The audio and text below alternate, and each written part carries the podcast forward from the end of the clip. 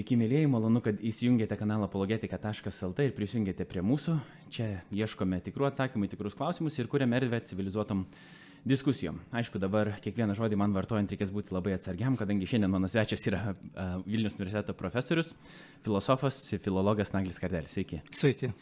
Dėkuoju, kad sutikot atvykti, šiek tiek jau galėjom paplėpėti prieš tai, aišku, daugiau apie tokius techninius klausimus, bet šiandien bandysim nagrinėti vieną iš esminių klausimų žmogui, galbūt tikriausiai mano supratimu bent jau patį esmingiausią, tai Dievo klausimą. Kalbėsim apie tai, ar dar įmanoma 21 amžiui kalbėti apie Dievą prasmingai ir protingai, o kaip su tikėjimu, ar įmanoma dar tikėti, ar tokie e, protingi žmonės, pavyzdžiui, kaip jūs, dar gali tikėti Dievu, ar čia jau mokslas e, tą Dievą išstumė visai į, į paraštės ir tik tais tokie žmonės kaip aš galbūt dar jo tiki. Ir panašius tokius klausimus aptarinėsim. Bet šiek tiek norėjau e, papasakoti prieš istorijas, e, kaip aš nusprendžiau jūs pasikviesti. Galbūt jūs žinot, galbūt ne iš tų mūsų pokalbių, bet e, žiūrovai tai tikrai nežino. Yra tokia knyga, Naglio kardelio pažinti ar suprasti, humanistikos ir gamtotyros akiračiai. Aš jau esu ją perskaitęs, neapsigaukit, čia yra mano žmonos skirtukas, dabar jinai skaito tą pačią knygą. Su malonumu iš tikrųjų perskaičiau ir bandžiau dar nupirkti ir kelias tas knygas, kad galėčiau padovanoti jums, tiems, kurie komentuos, kurie žiūri ir dar tikiuosi, kad man pavyks, nors jau naujajam žydinį, ten, kur leista, jau neberadau, nebebuvo. Prieš tai aš esu nupirkęs kokį dešimt jų ir jau išdovanojęs skirtingose vietose skirtingiems uh, žmonėms.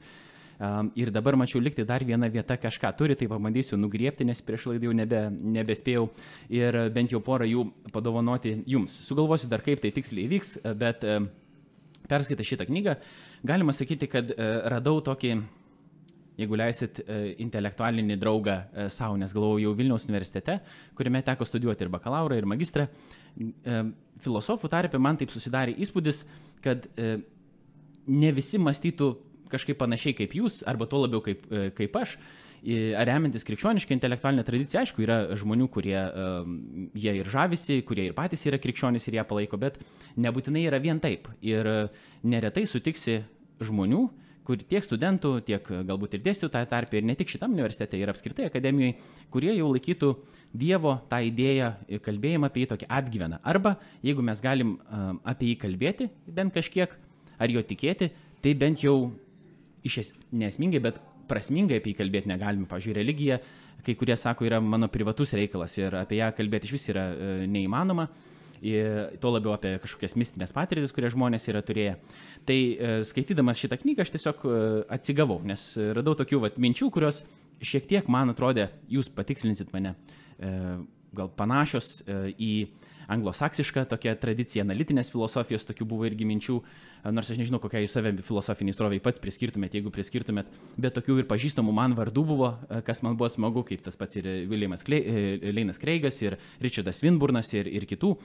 Tai tiesiog džiaugiausi skaitydamas ir galvoju, būtų labai gerai e, su jumis pasikalbėti apie tos klausimus ir e, dar geriau būtų ir paskaitose apsilankyti, nes pas jūs man studijuoti neteko.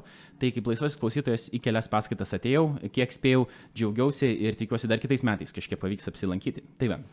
Po visų šitų panegirikų ir taip bandymo papasakot, e, kodėl aš čia nusprendžiau su jumis dabar kalbėtis, eisim prie reikalo. Bet pirmiausia, jeigu leisit ir aišku, kiek norite, tiek galite papasakoti arba nepasakoti, E, kiekvieną kartą pasikvietęs naują žmogų į laidą, aš bandau jo klausti, koks yra santykis su krikščioniško įtikėjimu ir koks jis buvo augant. Prasme, jeigu žmogus buvo krikščionis, ar jis taip įaugo organiškai tą tikėjimą, ar įvyko kažkokia atsiverti, atsivertimo patirtis, jeigu jis yra nekrikščionis, tai kaip jis žiūri krikščionišką pasaulyje žiūrą ir kokia yra jo pasaulyje žiūra, tai tas pats klausimas ir jums.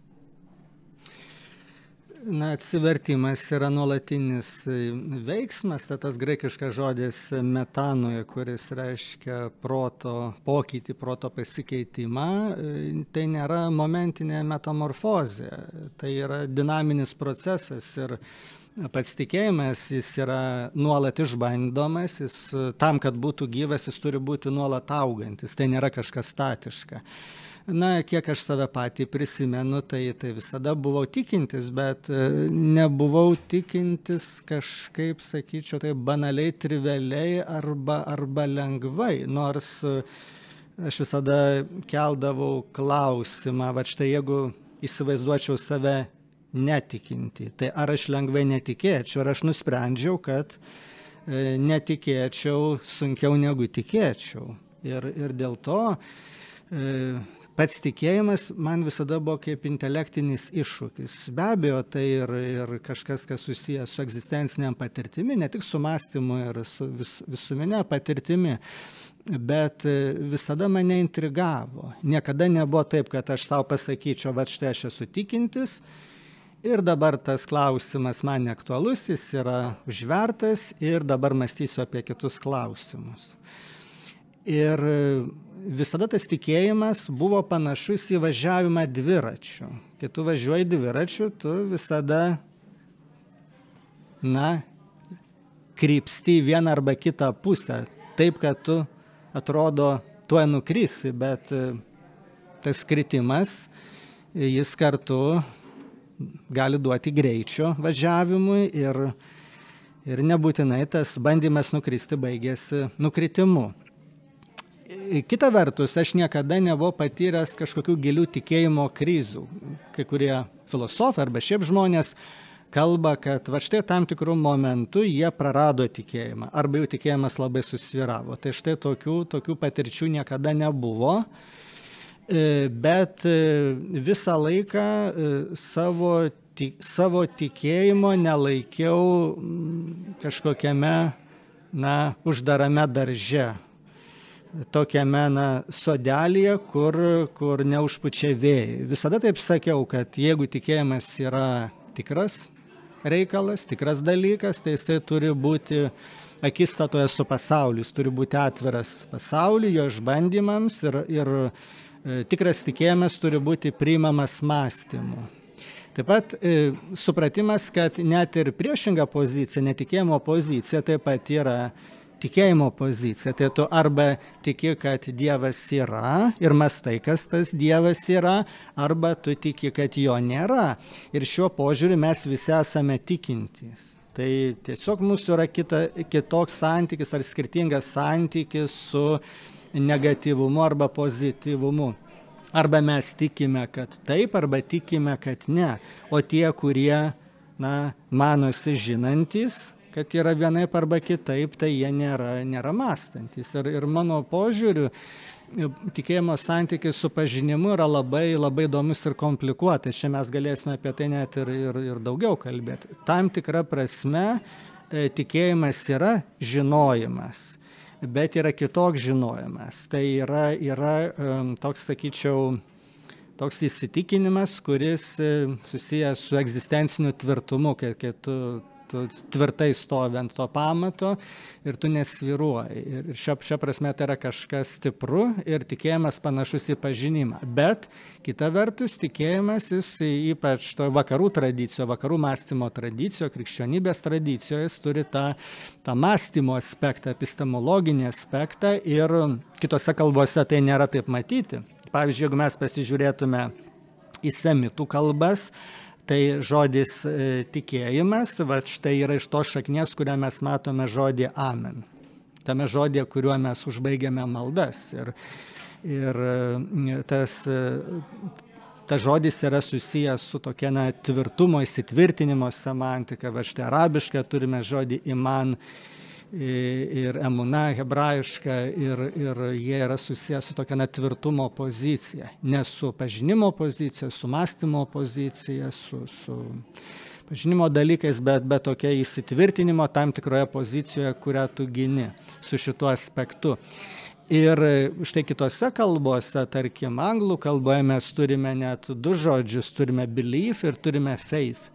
Tai vienas iš jų reiškia tokį na, tikėjimą pažintinę prasme, epistemologinę prasme, kit, kitas jau yra susijęs su tokiu na, dvasiniu įsipareigojimu, su ištikimybė, su pasitikėjimu. Tai va tikėjimas kaip e, manimas, kad yra vienaip ar kitaip, pažintinis aspektas yra e, numanomas, o kitas yra susijęs su labiau su tokia na, ištikimybės ir pasitikėjimo E, nuostata. Tai vat, kalbos irgi parodo paties tikėjimo kaip, kaip fenomeno tokį na, daugia breuniškumą, bent jau dvi breuniškumą ir jį visada reikia turėti galvoje. Tai dėl to tikėjimas yra gyvas tik tada, kai tu to savo tikėjimo dviračio nepastatai prie sienos ir juo nevažiuoji tu juo važiuoji ir tada turi riziką svirti ant šono ar galbūt griūti, bet tada tu, tu įsipareigojęs važiuoti į priekį.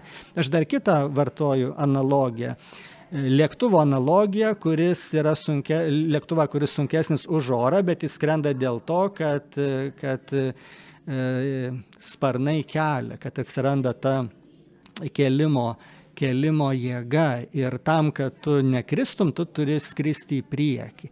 Ir dėl to, tam, kad tikėjimas išliktų, kad jis būtų tvirtas arba kad jis tvirtėtų, tu turi savo e, tikėjimo kelyje eiti į priekį. Tu negali, neturi teisės užmygti ant laurų, ant to tariamo tvirtumo, e, tu, tu turi būti intelektinėme nuotykyje. Ir, ir dėl to, bet ypač filosofui, e, pats, pats tas tikėjimo nuotykis kartu yra mąstymo nuotykis. Čia nėra skirtingi dalykai. Ir, ir pavyzdžiui, man yra visiškai nesuvokiama, kaip filosofai e, brėžia perdėm griežtą demarkaciją. Šiaip ta demarkacija vakarų mąstymo tradicijų yra nubrėžta, Tomas Akvinėtis yra nubrėžęs.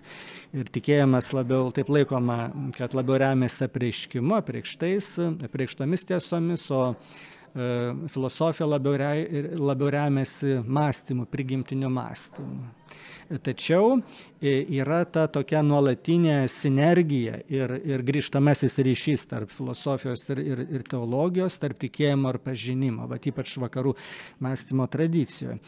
Ir viena vertus numanomas e, e, mąstymo autonomiškumas, filosofijos autonomija, kaip ir tikėjimo autonomija iš kitos pusės žiūrint, ir kita vertus sinergija, grįžtamieji tokie ryšiai ir grįžtamieji mainai, kurie, kurie pastiprina, filosofija pastiprina e, teologiją, tikėjimą ir, ir, ir atvirkščiai. Teologija taip pat gali ir pačią filosofiją sustiprinti, įkvėpti ją naujos e, gyvybės. Dėl to man labai keista, kai filosofai e, laiko, kad na, Dievo klausimas yra kažkoks nasritinis ar techninis klausimas, objektinis klausimas ir jie to klausimo neanalizuoja. Pavyzdžiui, net kai mes kalbame apie, tarkim, apie disertacijas, apie magistro darbus, bakalauro darbus, kartais ta teologinė tematika kuris svarstoma iš filosofinės perspektyvos, kai kam atrodo tokia šiek tiek įtartina, nes filosofai šito klausimo tarsi nesvarsto, nes čia kažkoks specialus, specializuotas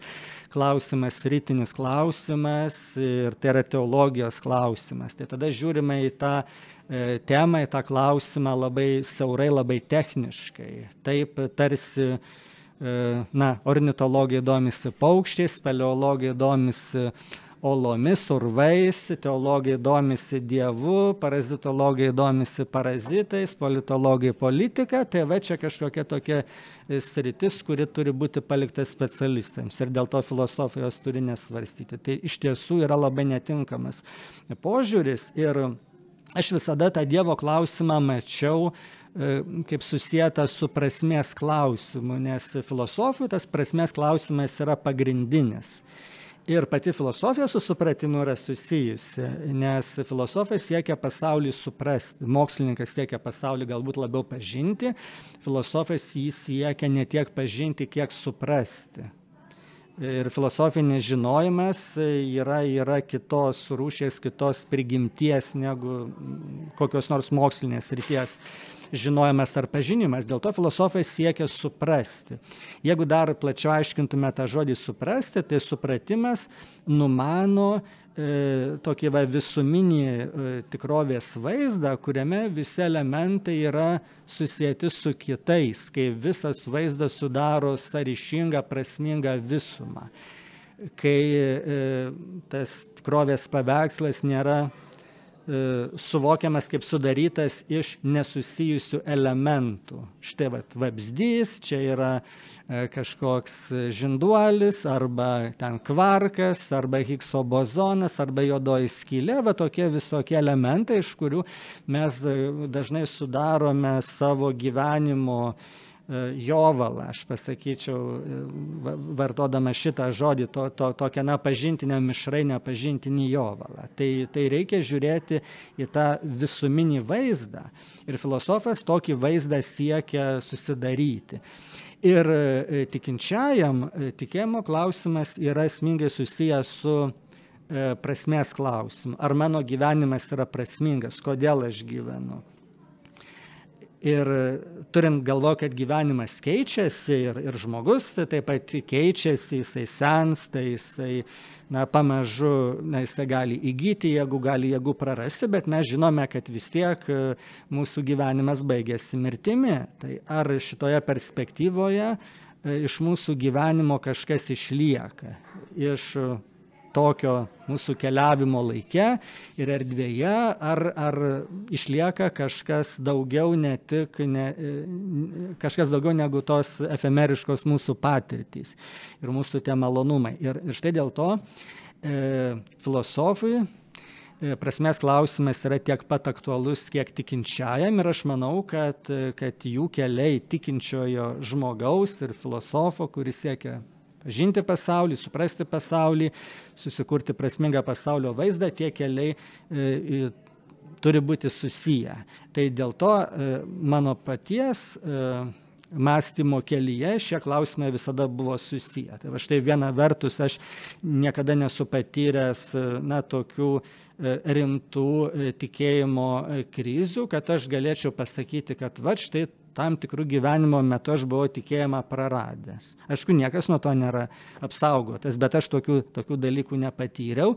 Kita vertus, tas klausimas man visada buvo įdomus ir aš netgi nesakyčiau, kad mano tikėjimas buvo nepakankamai tvirtas, jis buvo kažkoks sviruojantis, dėl to man tas klausimas buvo įdomus. Aš negaliu tai pasakyti, jis buvo pakankamai stiprus, bet aš visada buvau labai žingeidus ir ir siekiau pasaulį ir, ir pažinti, ir suprasti ir ir dėl to e, man pati pati diskusija tarp tikinčiųjų ir netikinčiųjų atrodo labai įdomi. Aš niekada nesu linkęs tų vadinamųjų netikinčiųjų e, demonizuoti ar, ar kažkaip iš jų šaipytis ar perdėtai kritikuoti, nes tai yra tiesiog žmonės, kurie mato pasaulį tam tikrų būdų ir jie turi teisę jį taip matyti ir ir dėl to e, man visada buvo e, įdomūs tie alternatyvūs požiūriai ir net paties tikėjimo kontekste tie tie labai skirtingi požiūriai.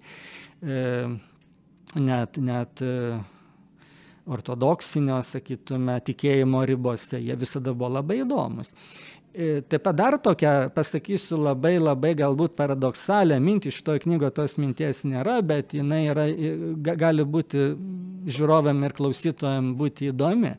Tai mano įsitikinimu, tam tikra prasme, tikintysis, kuris savo tikėjimą siekia suprasti, e, jisai e, žino, kad Dievo galėtų nebūti E, ne, ne praščiau negu netikintysis, bet jis visus šituos abejojimus yra įveikęs. Tai dar paprasčiau pasakant, e, tikintysis e, yra privilegijuotoje pozicijoje, geresnėje pozicijoje negu netikintysis dėl to, kad jis, dėl to, kad jis domisi šituo klausimu, jisai žino tiek pat argumentų arba net daugiau negu netikintysis, kodėl Dievo na, neturėtų būti.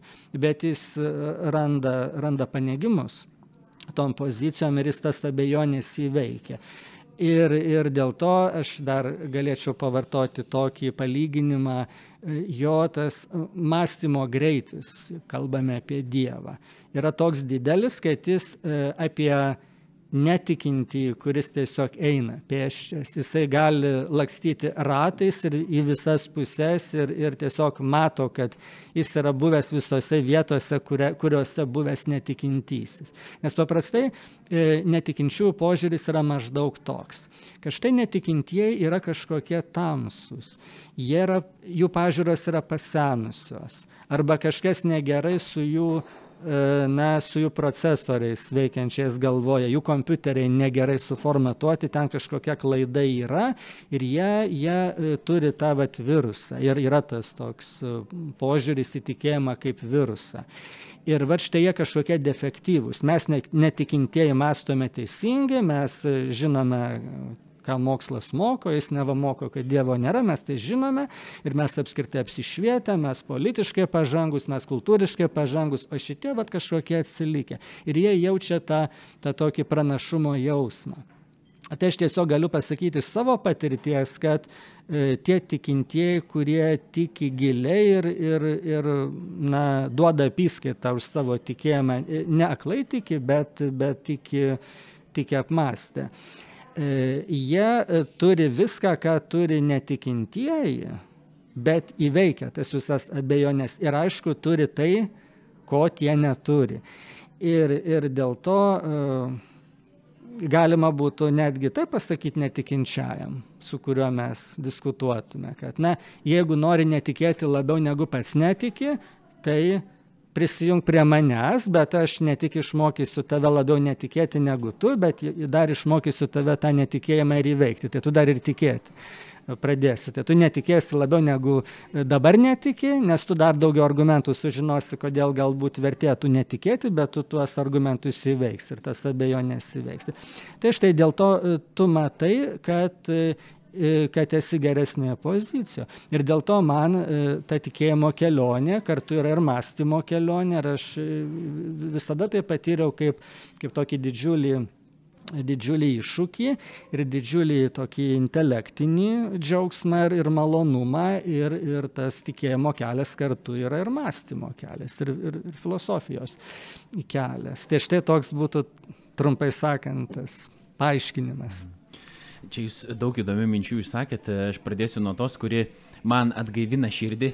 Tai yra tai, kad jūs siejat uh, tikėjimą tampriai su uh, mąstymu ir uh, kad jis nėra aklas tikėjimas, e, nors čia būtų irgi galima skirtingai apibriežti, žiūrėti, ką Kirkegoras kalba apie tą tikėjimą, tada kiti Taip, čia mes galėsime apie, prie to. O prie kiti, to kai aklą tikėjimą įvardina dažniausiai ateistai, kad vat, krikščionis tai yra tokie žmonės, kurie neturi jokių argumentų, e, kad Dievas yra ir e, dėl to, kad neturi, dėl to ir tiki, nes jeigu jie turėtų, tai tada netikėtų, tai būtų kažkoks žinojimas, bet kadangi jų nėra, net negali būti, tai jie tiesiog tiki dėl to, kad kitaip yra neįmanoma. Tai jiems reikia atlikti tas tikėjimas ir kažkoks mistinis, bet ne ta krikščioniškąją prasme, toks nesuprantamas kažkoks veiksmas, antiracionalus, keistas, einantis prieš viską, bet tu vis tiek įžengi dėl to, kad arba tu esi kvailas, vieni sako, arba aš esu net klausęs savo artimo žmogaus, savo vartų galvoju, kad aš esu liaudiškai, sakysiu, durnas, kad aš tikiu. Sako, ne, aš galvoju, tu ne durnas esi, bet tu esi silpnas. Va, tavo atėjo malonų žmogelį, pašnekėjo um, gražiai ir dėl to tu dabar tiki, šiaip nebūtų pašnekėję. Ir tada, tai va, esi arba kvailas, arba silpnas, arba dar, su, kaip jūs ir sakėt, kažkoks defektyvus, kažkas su tavimi yra ne taip ir dėl to tu tiki. Ir kas yra blogiausia, kad e, bandot užsiminėti tokia veikla, kokia aš užsiminėjau ir kažkaip apologetiką e, e, bandyti pristatyti žmonėms visų pirma, kas tai yra toks per dalykas ir po to apologetiką pajungti kalbėjime e, apie tikėjimą. E, ir ne visi krikščionys net e, sutiktų, e, kad tas intelektualumas arba mąstymas e, yra svarbus ir kas man yra pakankamai liūdna. Aišku, yra žmonių, kurie e, palaiko šitai ir, ir, ir džiaugiasi dėl to ir, e, ir jiems apologetika pati rūpi. Štai jūs dabar atrodo taip pakankamai netgi stipriai palaikytumėt tą pusę, kad tikėjimas yra siejamas su mąstymu. Tai einate ir prieš kai kuriuos netikinčiuosius, ir netgi prieš kai kuriuos krikščionis. Tai kodėl jūs tą tikėjimą taip tampriai su mąstymu siejate? Aš gal taip pasakysiu. Aš, aš manau, kad mąstymas kartais parodo e, ir ribas pačiam mąstymui, parodo paties mąstymo ribas santykė su tikėjimu, bet e, esminė skirtis ir gana subtili čia yra ta, kad tu gali e, savo aklumo tikėjimo atžvilgių, tikėjimo tiesų atžvilgių nereflektuoti ir tu gali tą aklumą prisijimti kaip, na, kaip paradoksą ir kaip tokį, na, šuolį į, ne, į nežinomybę. E, na, kerkegoriška prasme, bet tai yra jau sąmoningas apsisprendimas. Bet kad tu šitą žingsnį padarytum, tai tu turi būti na, tu turi filosofinį mąstymą turėti. Čia galima dar prisiminti Tertulijoną, kuris sakė, credo kvie absurdum, tikiu, kad absurdiška. Ne todėl tikiu, kad, kad viską suprantu ir, ir kad, kad tikėjimo žinia man atrodo teisinga, prasminga, darni, koherentiška ir taip toliau, bet sakė, kad tikiu, jog yra absurdiška. Bet reikia nepamiršti, kad Tertulijonas laikomas vienu, vienu gabiausių mąstytojų. Tai, tai yra tikrai, tikrai labai aukšto kalibro filosofas. Tai dėl to ir aklumas aklumui nelygų. E, galbūt aš taip pasakyčiau, aš nemanau, kad e, tikėjimas išvedamas yra iš pažinimo ar iš supratimo ar iš mąstymo. E, tikrai taip nėra ir tokia pozicija būtų neteisinga ir nekrikščioniška.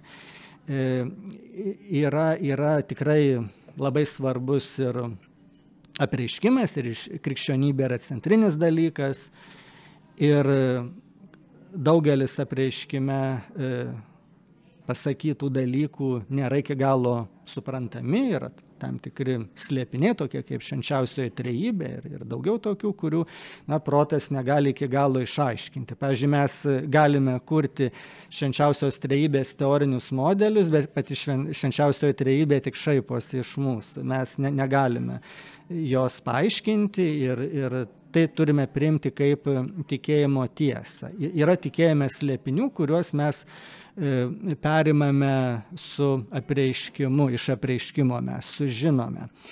E, tačiau e, mes galime tiesiog, na, nekritiškai, nereflektuodami priimti tai, kas mums sakome, sakoma. Ir mus gali tokiu būdu na, labai lengvai evangelizuoti. Tačiau kyla pavojus, kad kai mes pradėsime uh, E, dvasiškai, intelektualiai aukti, bręsti, kad mes tikėjimą atmesime. Tai va štai mąstymas mus paskiepia nuo va tokių, e, e, nuo mūsų netvirtumo tikėjime. Čia yra paradoksalus dalykas. Man pačiam gyvenime teko sutikti daug žmonių ir jaunų žmonių, kurie atrodė labai karštai tikintys ir aš netgi pats savęs klausdavau, iš kur čia tokia jėga E, tikėti ir, ir iš kur tas toksai entuzijazmas, pasišventimas ir po to žiūrėk, tas žmogus po metų jau e, ne tik atšalęs tikėjime, jis jau netikintis, jau jisai deklaruoja, kad jis jau, jau štai na, suprato, kad tikėjimas yra klaidinga pozicija, jis štai jau yra netikinti. Kartais atrodo, kad tie, kurie labai pasikliauja savo sugestiją, savo entuzijazmu, pirminių įsipareigojimų, jie dažnai tą tikėjimą praranda. Ir dėl to e, mąstymas kaip tik yra tas priešnuodis prieš, na, galėtume pasakyti, piktojo gundimus, kaip piktasis pakiša mums visokių tokių gudrių minčių ir mus jos sugundo, ir tada jos tampa, tampa pagrindu tikėjimą atmesti. Tai dėl to mm, filosofas visada supranta, kad tikrovė yra didesnė už jo mąstymą, už jo pažinimą ir už jo supratimą. Ir dažniausiai na, reikia būtent filosofinio mąstymo, kad tu tą suprastum. Nes paprastai žmonės, kurie persima, persima visom, visokiomis idėjomis, dažnai mokslinėmis, jie savo pažinimą ir sutapatina su tikrovė, jie neturi to nuolankumo tikrovės akivaizdoje ir jie e, nesupranta, nesuvokia, kad tikrovė yra didesnė negu jų supratimas ir jų mąstymas. Ir jie tada nereflektuoja savo mąstymo nepakankamumo. Ir štai filosofas, kuris e, viską yra e, linkęs tikrinti kritiškai, linkęs kritiškai mąstyti, jis kartu žino, kad tas kritinis mąstymas, kritinė refleksija tam ir reikalinga, kad mes nepadarytume klaidų, o klaidos ir daromos dėl to, kad mūsų mąstymas yra silpnas, kad tikrovė yra didesnė negu mūsų mąstymas. Ir va štai tas toks nuolankumas tikrovės atžvilgių yra labai, labai na, esmingai filosofinė nuostata. Ir tikras filosofas visada yra pasiruošęs, kad tikrovė jį nustebins. Ir kad kažkas e, pasirodys, kas neįsirašo į, į jo pirminį e, supratimą, į jo e, pirminį pasaulė vaizdį. Ir būtent filosofui turėtų būti labai artimi, artima mintis, kad kad e, tikrovė ne tik yra sudėtingesnė ir įdomesnė ir gilesnė, negu mes įsivaizduojame, bet, kaip sakoma, e, sudėtingesnė ir įdomesnė, negu kad mes galėtume iš principo įsivaizduoti. Tai vad būtent dėl to čia toks jau dialektinis momentas. Būtent e, filosofas, kuris masto kritiškai, jis kaip tik yra pasirengęs priimti ir apreiškimą, ir kitus dalykus, kurie, kurie neįsirašo į tam tikrą schemą. E, nes žmogui, kuris to kritinio mąstymo neturi, tai viskas, kas dabar yra ir kas ateityje bus, turi būti e, tarsi įmūryta gelžbetoninė siena. Jokių neturi būti kitų akmenų, negu ten, sakyt, sakykime, marmuras ar granitas. O filosofas visada jisai pasirengęs sinkopiai, sinkopiai trūkiai, lūžiui, e, paradoksui. Tai vad būtent dėl to e, būtent filosofas suvokia mąstymo ribas. Tai čia ir, ir Platonas tą puikiai parodė, ir labai radikaliai tą Kantas parodė, jis atskleidė pažinimo ribas. Tai dėl to aš ir, ir sakyčiau, kad, e, e, kad na, toks mano, mano požiūrio į tikėjimą apibūdinimas, kad aš na, tikėjimą tiesiog per, na, labai labai glaudžiai susijęs su supratimu, pažinimu, mąstymu, kad tai yra mano pozicija. Tai gal, galbūt taip tik pasirodo, nes aš tiesiog akcentuoju, kad mąstymas yra reikalingas mums suvokiant savo tikėjimą, bet aš nemanau, kad tik į mąstymą turi būti viskas redukuota, tik į supratimą, nes ypatingai tose religijose, kur, kur, kur kalbam apie transcendenciją, apie transcendentinę tikrovę, tai yra kažkas daugiau negu mūsų, mūsų mąstymas gali, gali suvokti. Mes tik tai negatyviai E, kaip užrybį tam tikrą galime mąstyti transcendenciją. Tai jinai niekada nėra aproprijuojama, similiuojama, e, nėra, nėra suvedama į imanenciją. Tai štai dėl to aš kaip tik ir manyčiau, kad tikinčiam reikia ir tų tokių vidinių tikėjimo patirčių, egzistencinių patirčių ir aš manau, kad tokios tikrai egzistuoja ir, ir taip pat e, kažkas panašaus ir man yra nutikę, bet na, filosofai paprastai kalba intersubjektyviu režimu, tai aš apie tai nekalbėsiu, bet tiesiog noriu pasakyti, kad e, manau, kad mūsų tikėjimas yra tarsi binokuliarinis. E, vienas, to, vienas tų žiūronų, žiūronas, ta, ta, ta viena, vienas lešis, viena linzė yra susijusi su tuo, ką pavadintume e, racionalumą peržengiančių mūsų patirties režimu. E, su kažkuo, kas yra proto iki galo nesuvokiama. Galėtume sakyti, kad tai mistinės patirtys arba tiesiog egzistencinės patirtys, kažkokie tokie na, vidiniai pajūtimai, patyrimai, kurie nėra racionalizuojami, kurie nėra įmastymą uh, E, suvedami ar išvedami iš mąstymo, o, ki, o kit, kitas lęšis, kita linzė tų žiūronų, kurie turi tas dvi akis, e, tai jau yra susijęs su bandymu tikėjimą suvokti. Ir man labai yra artimas Enzelmo Kenterberiečio kvietimas e, tikėti tam, kad suvoktum, jis sako, credo ut intelligam. Tikiu, kad su, suvokčiau, suprasčiau. Tai tam, kad suprasčiau, reikia tikėjimo. Tai reiškia, kad tu e, pradėdamas tik tai nuo tariamo supratimo ar pažinimo, tu neprieisi prie supratimo ar pažinimo, reikia va to kredo. E, ir tą patį Herakleitas pasako, filosofas, kuris, kuris dar iki krikščionybės, čia šešto, penkto amžių prieš Kristų riba, jisai teigia, kad daugelis didžių dalykų išvengia pažinimo dėl netikėjimo. Kai mes jais netikime, mes jų negalime pažinti. Tai, tai tiesiog reikia E, tam tikrus dalykus nujausti, įsivaizduoti arba prileisti jų buvimo galimybę, kad apie juos galėtum pradėti mąstyti ir galbūt juos suprasti ir pažinti, jeigu tokie dalykai iš tiesų yra ir juos įmanoma pažinti ir suprasti. Tai dėl to čia yra kaip tos pačios monetos dvi pusės arba magneto du poliai. Tu negali magneto perskelti į dvi dalis taip, kad liktų tik šiaurinis polius arba pietinis polius. Jeigu tu perskelsi magnetą į dvi dalis, tai kiekviena iš tų dviejų e, perskeltų dalių irgi turės šiaurinį ir pietinį polių. Tai dėl to man atrodo, kad apskritai filosofinis mąstymas yra susijęs su hipotezių kelimu.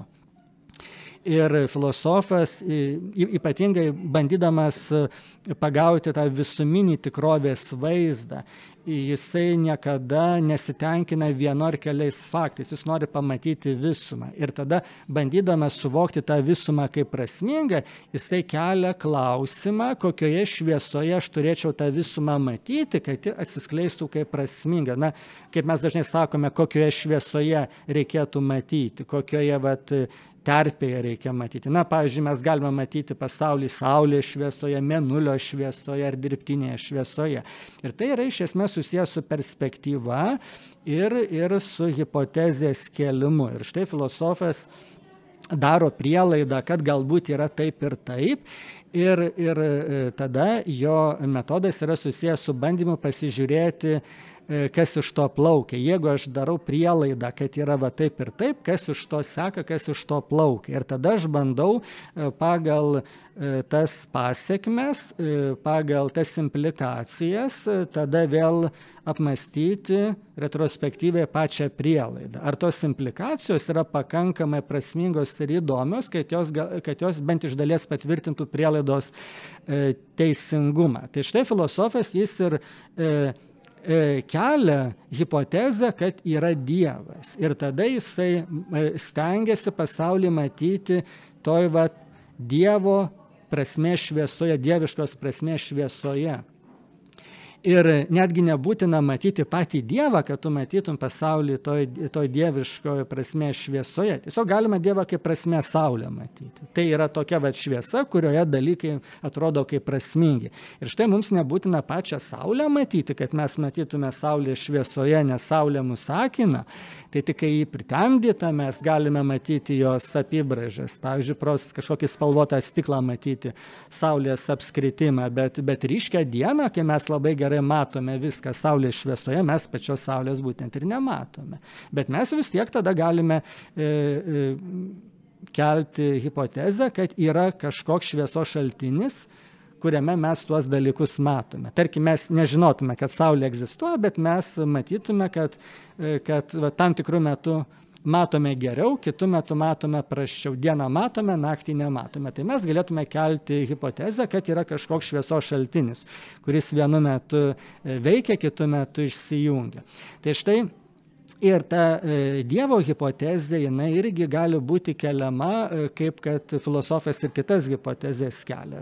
Jisai vad galėtų sakyti, štai darau prielaidą, kad egzistuoja tikrovės ir prasmės pagrindas, kuris dar krikščionybėje, krikščioniškoje tradicijoje ir kaip asmeninis kaip, kaip asmuo, ne, ne šiaip kažkas anonimiška ir, ir kažkas e, besmeniška, bet dar ir asmuo. Po to mes galėsime prieiti prie, prie to klausimo apie Dievo vaizdinio antropomorfizmą, kodėl dažnai mes linkę tuos antropomorfizmus priskirti ar, ir ar tai yra visada blogai. E, tiesiog fiksuokime tą momentą ir galėsime prie jo grįžti. O dabar dar kalbant apie hipotezę, tai štai e, galiu kelti hipotezę, kad egzistuoja vat, štai prasmės pagrindas. Ir tada tokio suvokimo perspektyvoje e, pradau, pradedu matyti kitus dalykus ir mąstyti apie kitus dalykus ir tada, tarkime, viskas susisieja į visumą.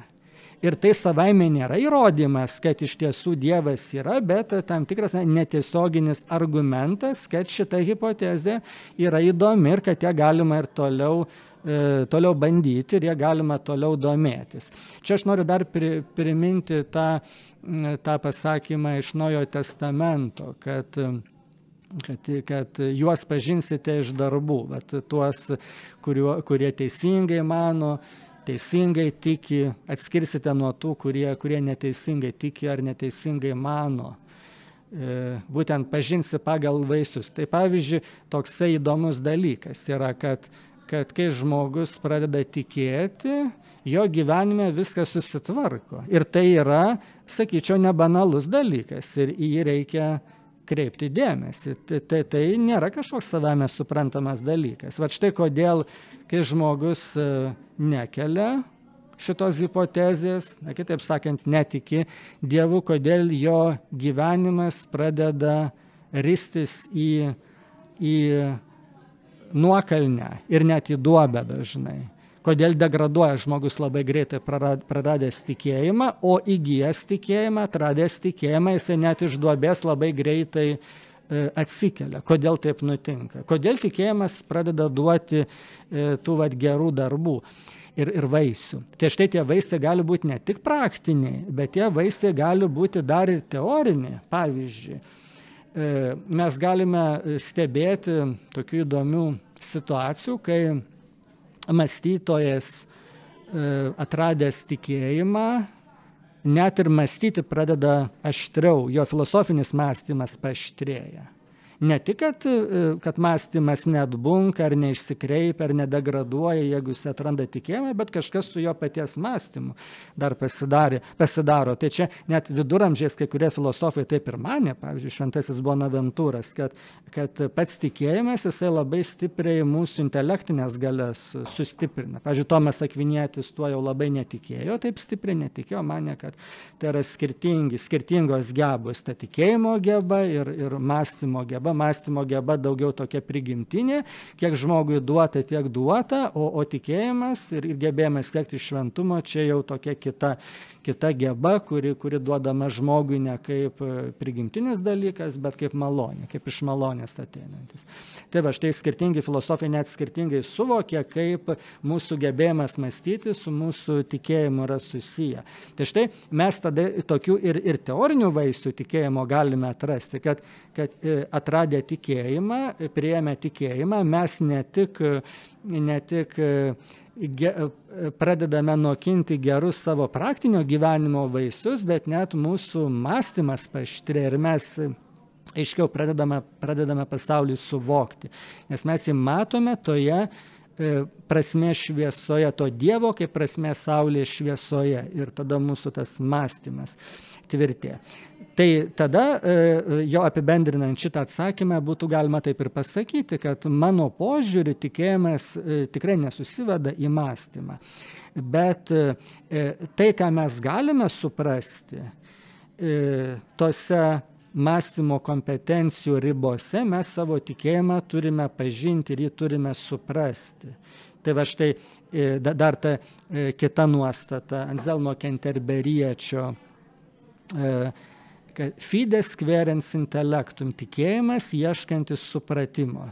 E, tai štai tas pirmas e, posakis, kredot intelligam, jisai sako, kad tam, kad suprasčiau, turiu tikėti. Tai tikiu dėl to, kad suprasčiau. Tam, kad suprasčiau.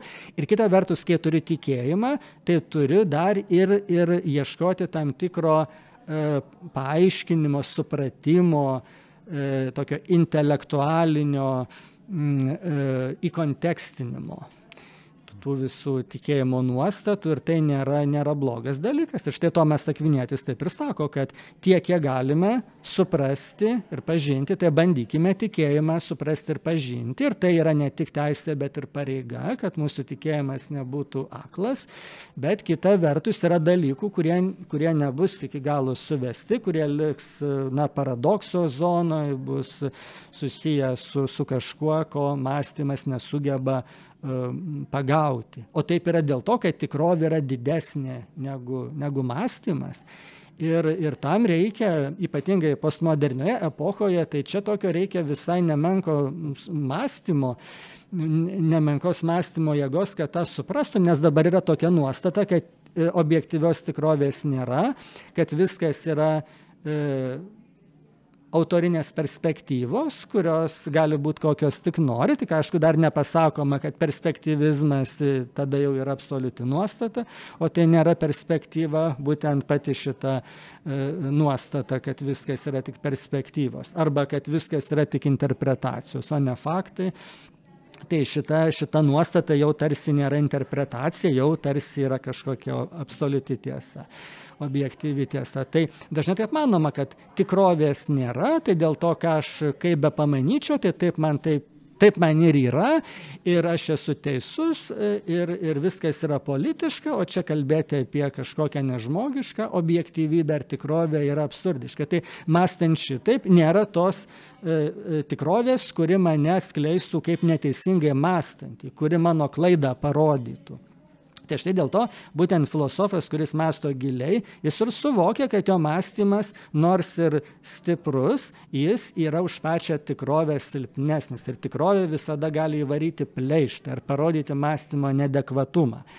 Ir, ir tada e, būtent filosofijas ir turi tą mąstymo nuolankumą. Šiaip e, kiekvienam tik, tikinčiam tai yra labai didelė darybė, nes jeigu tu esi nuolankus, tai tu gali mokytis, tu gali, gali įstengti tikėti ir gali įstengti mokytis. Tai, tai tu esi e, išmintingas mokinys, kuris gali turėti mokytoją. Ir aišku, radikaliu atveju tai tas mokytojas yra pats Dievas.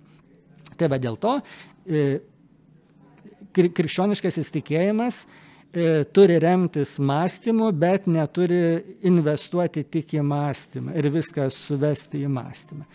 Tai va štai tokia mano pozicija, kad mūsų, mūsų santykis su tikėjimu turi būti paremtas tuo tokiu binokuliariniu regėjimu. Vienas yra atviras tam, kas neįsirašo į schemą, E, toms egzistencinėms e, patirtims, kurios galbūt yra privačios ir ne, jos negali būti paaiškinamos adekvačiai kitiem, perteikiamos kitiem, jos nėra intersubjektyvios, kaip pasakytų filosofai.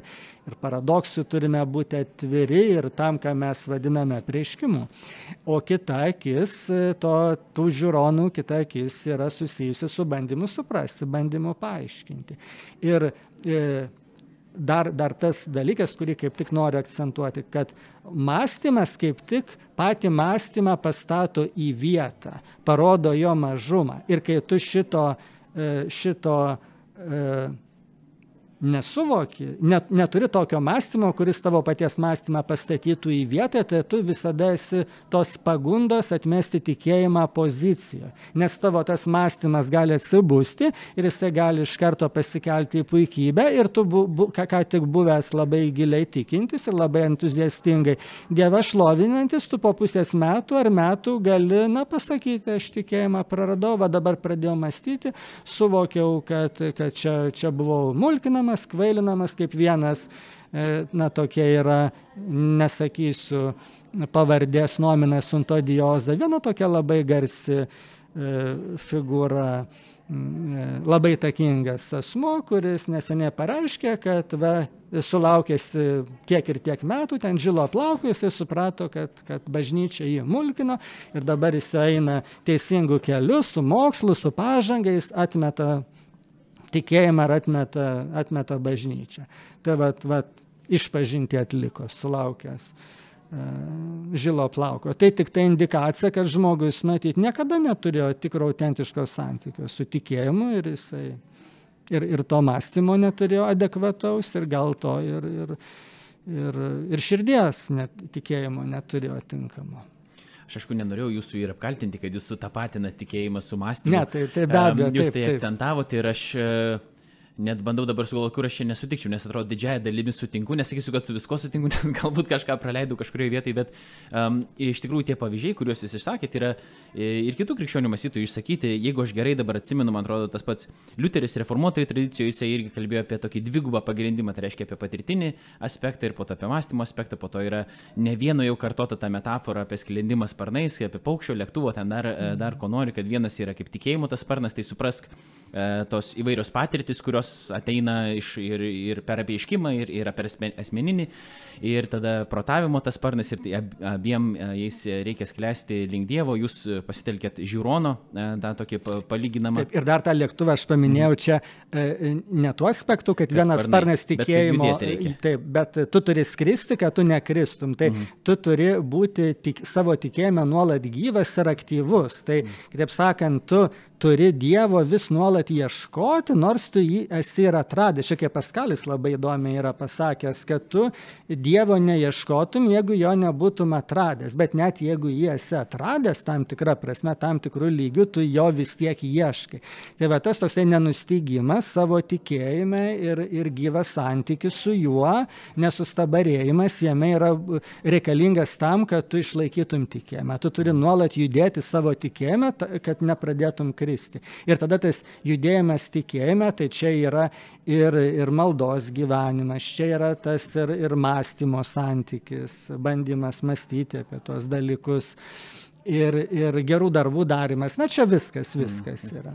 Į ką aš norėjau tiesiog atkreipti dėmesį, tai yra apie tą mąstymo momentą prieš pastatant jį tam kai kurių žmonių supratimui, kuris yra išsakomas ir atrodo plačiai, jis yra pakankamai paplitęs, kad tikinti žmogus tai yra nemastantis žmogus ir dar geriau, kad jisai nemastytų, nes jeigu tik pradės mąstyti, tai tikėjimą praras, o jūs sakot, kaip tik, jeigu pradėsi mąstyti, tas tavo tikėjimas bus reflektuotas, tada tu gali jame ir sustiprėti, kitu atveju tau lengviau yra jį prarasti, tai tikėjimas tiesiog yra, tai yra mąstymas yra nu, mano irgi taip pat būtų supratimu integrali to tikėjimo dalis, bet mąstymas nėra vienintelis dalykas, kuris yra reikalingas uh, tikėjimui. Ta pati mes matom ir um, kai Jėzus paklausė, koks yra didžiausias įsakymas. Jis sako, tik e, klausyk Izraelį, tavo Dievas yra vienas, todėl mylėk savo viešpatį Dievą visą savo širdimi, visą sielą, visų protų ir visomis jėgomis. Ir ta kažkaip visų protų uh, yra praleidžiama, ne, neretai atrodytų. Ir po to artimą mylėk kaip patį save. Ir dar vieną pavyzdį jūs patikėt, kuris irgi man taip susišaukė su kitu krikščionių mąstytoju, Siesliusu, e, jūs pa, e, pa, pateikė tokį palyginimą irgi apie Dievo hipotezę ir kaip jeigu priimam, kad, pavyzdžiui, Dievas yra ir tada to, to Dievo buvimo šviesoje mes bandom apmastyti įvairius dalykus ir taip filosofas gali daryti ir žiūrėti, ar čia taip yra logiškiau ar ne. Tai Sėjas Liujisas sakė kažką panašaus į tai, kad tikiu krikščionybę taip, kaip aš tikiu Saulę, ne dėl to, kad matau ją, bet dėl to, kad dėl jos matau uh, visą kitą. Ir Tai tiesiog čia man kas atėjo į galvą, dabar norėjau tuo pasidalinti, eidamas prie to, um, sugrįždamas galbūt prie to momento, kai jūs kalbėjote apie tai, kad vi, visi tiki.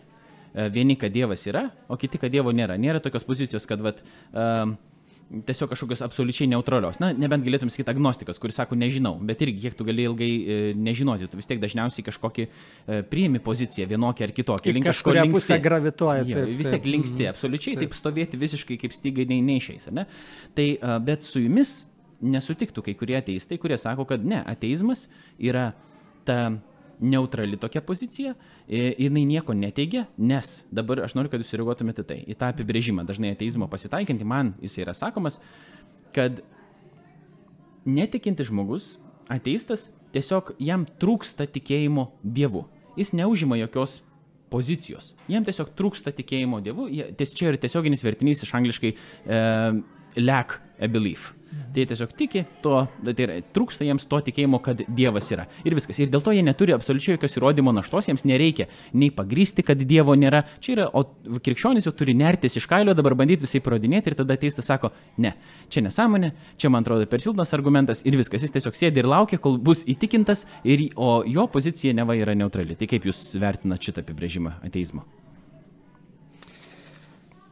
Taip, tas klausimas, kuris e, filosofinėje teologijoje vadinamas e, na, tikėjimo naštos onus probandi klausimu, tikrai yra labai labai svarstytas, bet e, aš siūlyčiau taip pasižiūrėti į, į tą klausimą, kad e,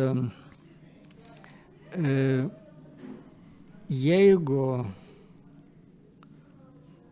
žmogus, na, neturi, sakytume, tam tikros e, gebos ar, ar tam tikro, sakytume, kažkokio poreikio, e, tai e, galima dar kalbėti apie na, tam tikrą defektą, tam tikrą trūkumą, kuris jam gali tą tokį na, diskomfortą kelti arba nekelti. Pavyzdžiui, jeigu tu na, supranti esas aklas, na, tau neduota matyti, tai tu be abejo gali jausti, uh, tai kaip trūkumą arba tu gali apsimesti, kad čia nieko tokio nėra, kad tau nėra problemos, kad tu kažko nematai, arba tu ten skonio neturi receptorių arba dar kažkokių kitų dalykų negali jausti.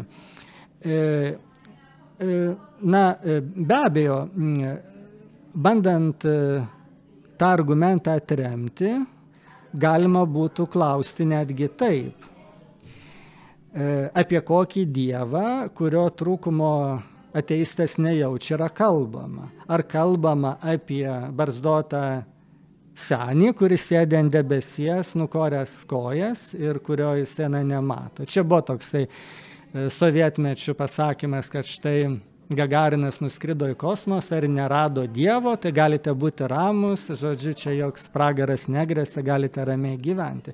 Tai be abejo, kad netikintieji netiki Dievu, kuriuo netiki ir tikintieji. Tai e, pats tas e, poreikis tikėti, jisai kyla iš prasmės e, trūkumo, iš būtinybės matyti pasaulį kaip prasmingą, nes aš nuo to ir pradėjau.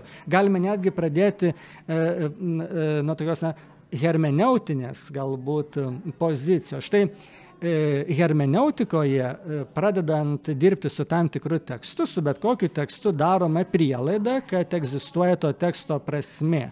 Tai yra pirminė e, pamatinė hermeneutikos nuostata, kad egzistuoja prasme, o tada jo aš tą prasme galiu aiškintis.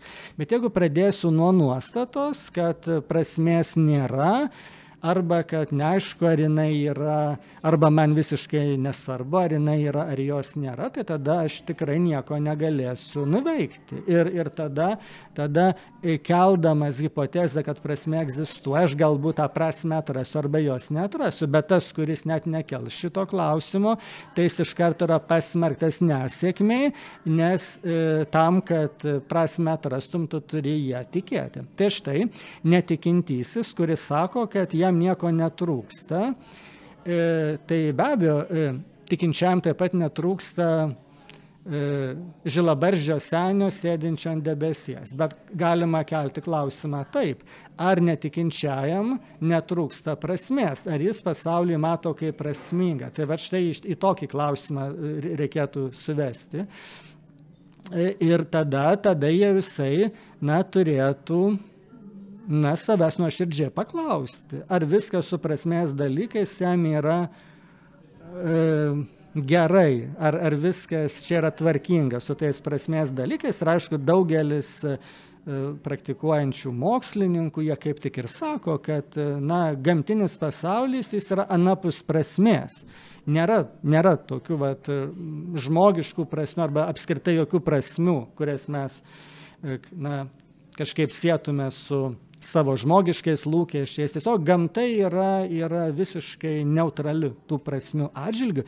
Ir tada e, žmogiška prasme suvokiamos prasmės ir objektyvę prasme suvokiamos prasmės gyvenime nėra. Tai ar, ar ateistas e, tada yra pasiryžęs atsakyti teigiamai klausimą, ar, ar jam netrūksta tos e, prasmės. Ir jeigu jis pasakys, kad iš tiesų jam prasmės netrūksta, tai aš manau, kad jis nemaža dalimi meluos, kad iš tiesų jisai tiesiog apsimes, kad jam tos prasmės e, nereikia. O jeigu jis tos prasmės nejaučia ir jos nesi, ne, nėra pasilgęs, nesiilgi, tai tada jis yra labai apgailėtinas. Ir aš e, vis dėlto manau, kad taip gali būti. Iš tiesų gali būti žmonių, kurie Dievo neranda ir jo neieško ir jiems yra viskas gerai su tuo Dievo neradimu ir jo neieškojimu. Bet tai būtų panašiai, kaip sakytume, aklas žmogus, kuris net nesuvokia savo aklumo ir jisai netrokšta regėti, nes jis, na, iš esmės nežino skirtumo. Na, tai apgailėtinas atvejis. Arba žmogus nesiekia išminties, arba žmogus nesiekia grožio, nesiekia laimės. Tai jisai galėtų sakyti, va, aš tokio dalyko nežinau, aš jo nesuprantu, man jo netrūksta, aš jo nesiekiu. Na, va, tai tada, tada jeigu, jeigu redukuotume tą Dievo uh, trūkumo ar, ar netrūkumo klausimą, prasmės trūkumo ar netrūkumo klausimą, tai tada galėtume va štai ir, ir likti su e, pozicija žmogaus, kuris savo gyvenimo nemato kaip prasmingo, bet tos prasmės nesilgi. Tai yra labai apgailėtinas žmogus. Tai, tai vad būtų galima e, e, iš dalies taip atsakyti bent jau tam tikra, tam tikra prasme taip atsakyti. Dabar žiūrint e, labiau, labiau iš tokios na, filosofinės konceptualios perspektyvos, tai tas e, supratimas apie pozicijos neutralumą čia nėra toks paprastas, kaip atrodo. Nes klausimas atrodo paprastas tada, kai Dievas e, mastomas kaip tam tikra konkreti ir labai keista būtybė, kuri atrodytų neįprastai šiame pasaulyje. Ir tai yra dar vienas padaras greta kitų padarų, kuris yra neįprastas su neįprastom savybėm. E, ir, ir jis, na, sunkiai, sunkiai įsirašo tarp kitų, kitų būtybių. Na, pavyzdžiui, jeigu mums pasakytų, kad egzistuoja kažkokia dar, dar kita būtybė greta tų, kurias mes žinome, kažkoks, sakytume, na, oranžinis driežas kur nors Amazonės džiunglėse, na tai mes sakytume, kad galbūt toks ir egzistuoja. Aišku, mažai tikėtina, nes jau beveik viskas atrasta, na, vabzdžių gal ne visų mes rūšis dar esame atradę, bet, bet e, tikėti, kad kažkoks oranžinis driežas egzistuoja, nors ir mažai tikėtina, bet nėra neįtikima. Galbūt toks ir yra. Tai kai mes Dievą suvokiame per daug antropomorfiškai, ir suvokiame jį kaip dar vieną padarą greta kitų padarų, tai tada jo buvimas atrodo labai keistas. Ir iš tiesų mums tokio padaro netrūksta, mums ir taip pakanka tų gyvūnų, kuriuos mes matome. Ir, ir augalų, ir gyvūnų, ir, ir mineralų, ir žvaigždžių, ir, ir pasaulis yra visko pilnas ir mums dar, dar vieno keisto padaro netrūksta. Tai va štai jeigu taip įsivaizduojame Dievą, tai tada yra labai didelis e, kliuvinys e, tikėjimui, ypač racionaliam tikėjimui. Bet aš visada ir kalbėjau, kad tam, kad tikėjimo pozicija būtų prasmingesnė intelektualams. Reikia diev, apie Dievą pradėti mąstyti abstrakčiau. Ir toj knygoje, be, beje, aš esu sakęs, Berots įvadė, surašęs, kad, kad kad e, su paprastai žmonėm yra paprasčiau tuo požiūriu, kad, na, jie, tarkim, arba priima skelbiamą žinią, arba jos nepriima. Tarkim, jiems ta geroji naujiena paskelbiama ir ją arba priima, arba nepriima. Bet, bet čia nėra to tokio intelektinio santykio. Bet su mąstančiai žmonėm jau taip, taip, taip paprastai būti negali. Čia jau reikia reikia, ir aš čia nesakau, kad dabar juos reikia e, kažkaip labai aktyviai atvertinėti į, į krikščionybę ar į tikėjimą, bet, bet apskritai tiesiog noriu pasakyti, kad kad reikia kitos kalbos, reikia, reikia kito, kito diskurso režimo, kad pradėtume su mąstančiai žmonėm apie Dievą kalbėti. Nes jam vat, būtent tokio Dievo, kuris primityviai vaizduojamas ir primityviai suprantamas, jam būtent ir netrūksta tokio Dievo kaip dar vieno padaro. Būtent vat, žilo senio, kažkokio dar pikto, tokio kaip Zeusas, kuris per kūnus svaido, tai va tokio Zeuso ar Apolono tikrai netrūksta. Tai štai tada reikia, reikia tą klausimą kelti, kelti e, abstrakčiau. Ir aš siūlyčiau pradėti va štai nuo, nuo tokio mm, atspirties taško. Pradėčiau tiesiog kalbėti apie tai, e, kaip mes e, bendriausia prasme įsivaizduojame tikrovę. Ar ji yra jau daugmaž pažinta ir suprasta, ar jinai kaip tik yra e, siūlanti mums daugybę naujų paslapčių ir daugybę naujų patirčių. Jeigu pati tikrovė yra, yra kažkas daugiau negu mūsų mąstymas, negu mūsų supratimas, e, tai tokia va tikrovė, ji pranoksta bet kokią metafizinę poziciją. Ir ta metafizinė pozicija, jinai yra ir susijusi su vienokiu ar kitokiu schematizavimu. Na, pavyzdžiui, paimkime materializmą, kokį na, fizikalizmą. Tai tada, tada tikrovės pamate yra kažkokie baziniai e, materialūs elementai. Kas tai bebūtų? Tai gali būti elementariosios dalelės, tai gali, gali būti stygos, at kažkas, kas šio laikinėje fizikoje e, kvalifikuojasi kaip tie pamatiniai elementai. Tai va štai ir sakys, kad va tikrovė yra va štai tokie kažkokie e, elementai, materialūs elementai, vienokie ir kitokie. Kitas galės sakyti, kad giliausiame pamate iš viso ten beveik nieko nėra ar ten kažkokios na, kvantinės fluktuacijos, kvantiniai drebučiai kažkokie, e, iš kurių po to randasi tas jau mums įprastas pasaulis, arba kiti sakys, kad iš viso giliausiame pamate yra niekas. Tai tada vis tiek turėsime tą niekio metafiziką. Ir, ir tada e, filosofas fiksuos štai kokį įdomų dalyką, kad ar tu sutapatini tikrovę va su šitais mąstymo atskleistais, neva atskleistais e, elementais, kaip pirminiais elementais, ar tu vis dėlto manai, kad tikrovė tuos elementus pranoksta. Nes jeigu tu esi tikras filosofas, tu turi suprasti, kad tikrovė turi pranokti tavo mąstymą. Ir mąstymas yra tam tikra reprezentacija. Ir po kažkiek na, tūkstančių metų mūsų fizikinės teorijos bus tiek pat juokingos, kiek na, senovės šumerų ar egiptiečių teorijos apie, apie pasaulį. Ir, ir šitas istoriškumo principas tikrai labai veikia. E, tai tada, kai aš šitą fiksuoju, tada aš galiu klausti, e, kokia pasaulyje žiūrinė pozicija yra atviresnė tai tikroviai, kuri dar yra paslaptinga, o nėra suvedama į kažkokį, kažkokį mokslo neva atskleistą pagrindą, kažkokius bazinius elementus kaip neva atskleistus. Tai be abejo, kad e, bet kuri religija, kuri pripažįsta transcendenciją, ypač tos trys abromiškosios religijos, kuriuose yra, yra ta labai ryški transcendencijos buvimo nuostata. Tai krikščionybė, judaizmas ir islamas. Čia yra va ta tikroji transcendencija, kitose religijose čia dar būtų klausimas, ar ta transcendencija yra.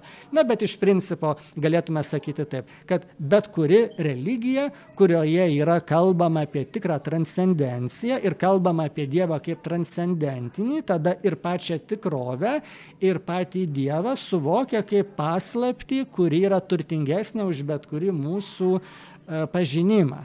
Tai yra paradoksaliu būdu e, metafizinė nuostata, kuri transcenduoja pačią metafiziką, nes mes metafizikos e, nesuvokiame kaip, kaip schemiškų teiginių visumos. Ir mes e, savo e, e, pasaulyje žiūros neredukuojame į tam tikrus, na, kažkokius mokslo neva atskleistus bazinius elementus. Nes mes manome, kad tai yra tie elementai, kurie šiuo metu atskleisti, bet po to galbūt kiti bus atskleisti, neaišku, kaip bus. Ir, ir mes neturime, neturime taip aklai pasitikėti tuo, ką mokslas sako.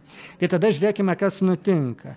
E, kad e, tikė, tikinčio žmogaus e, požiūris į tikrovę yra atviresnis. Čia yra paradoksalus dalykas, nes viena vertus apreiškimas mums atskleidžia tam tikrą konkretiką, kuri, kuri yra daugiau, daugiau susijusi su įsikūnijusio Dievo, istorijoje veikusio Dievo, na, tam tikrais veiksmais ir įvykiais susijusiais su išganimo istorija. Tai yra va ta konkretika, tas va konkretus naratyvas. Bet už šito konkretaus naratyvo slypi žinia apie Dievą, kuris ir istoriją pranoksta žinia apie Dievą, kuris išlieka na, didžiausia paslaptimi ir dėl to tikintis žmogus, nors jis e, tam tikrą prasme truputį apriboja savo mąstymą tais rėmais, kuriuos suteikia apreiškimas, bet kita prasme jo mąstymas yra atviresnis, nes jis e, na, kaip sakome, nevergauja tiems elementams, kuriuos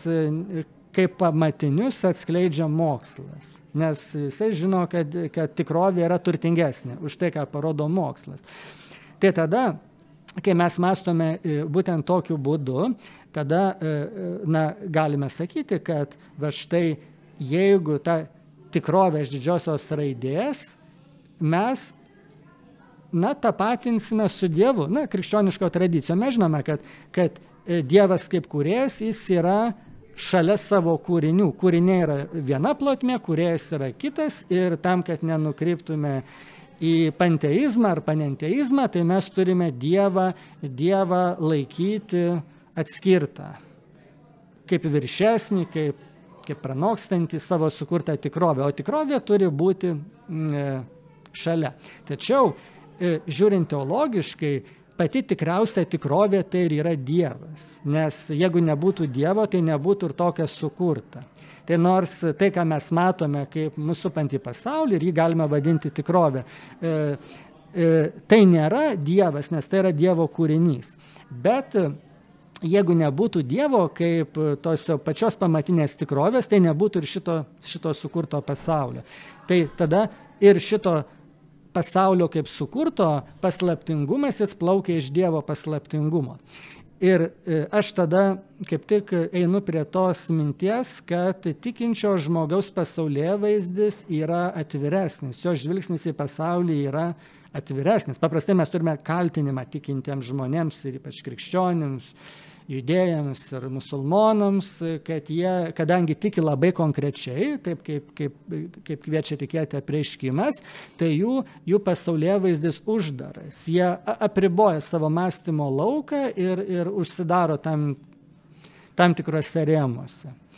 E, bet ta visa konkretika, kaip jau sakiau, yra susijusi su Dievo ir žmogaus santykiu. Dievas yra konkretus savo santykėje su žmogumi ir ta visa prieiškimo žinia, jinai yra susijusi su istorinė dimensija. Net jeigu pasižiūrėtume į, į e, Nikėjos tikėjimo simbolį, ten ar Kalkedono tikėjimo simbolį, e, tai Dievas tėvas, kurį mes apskritai su kūrinė kaip tokia siejame.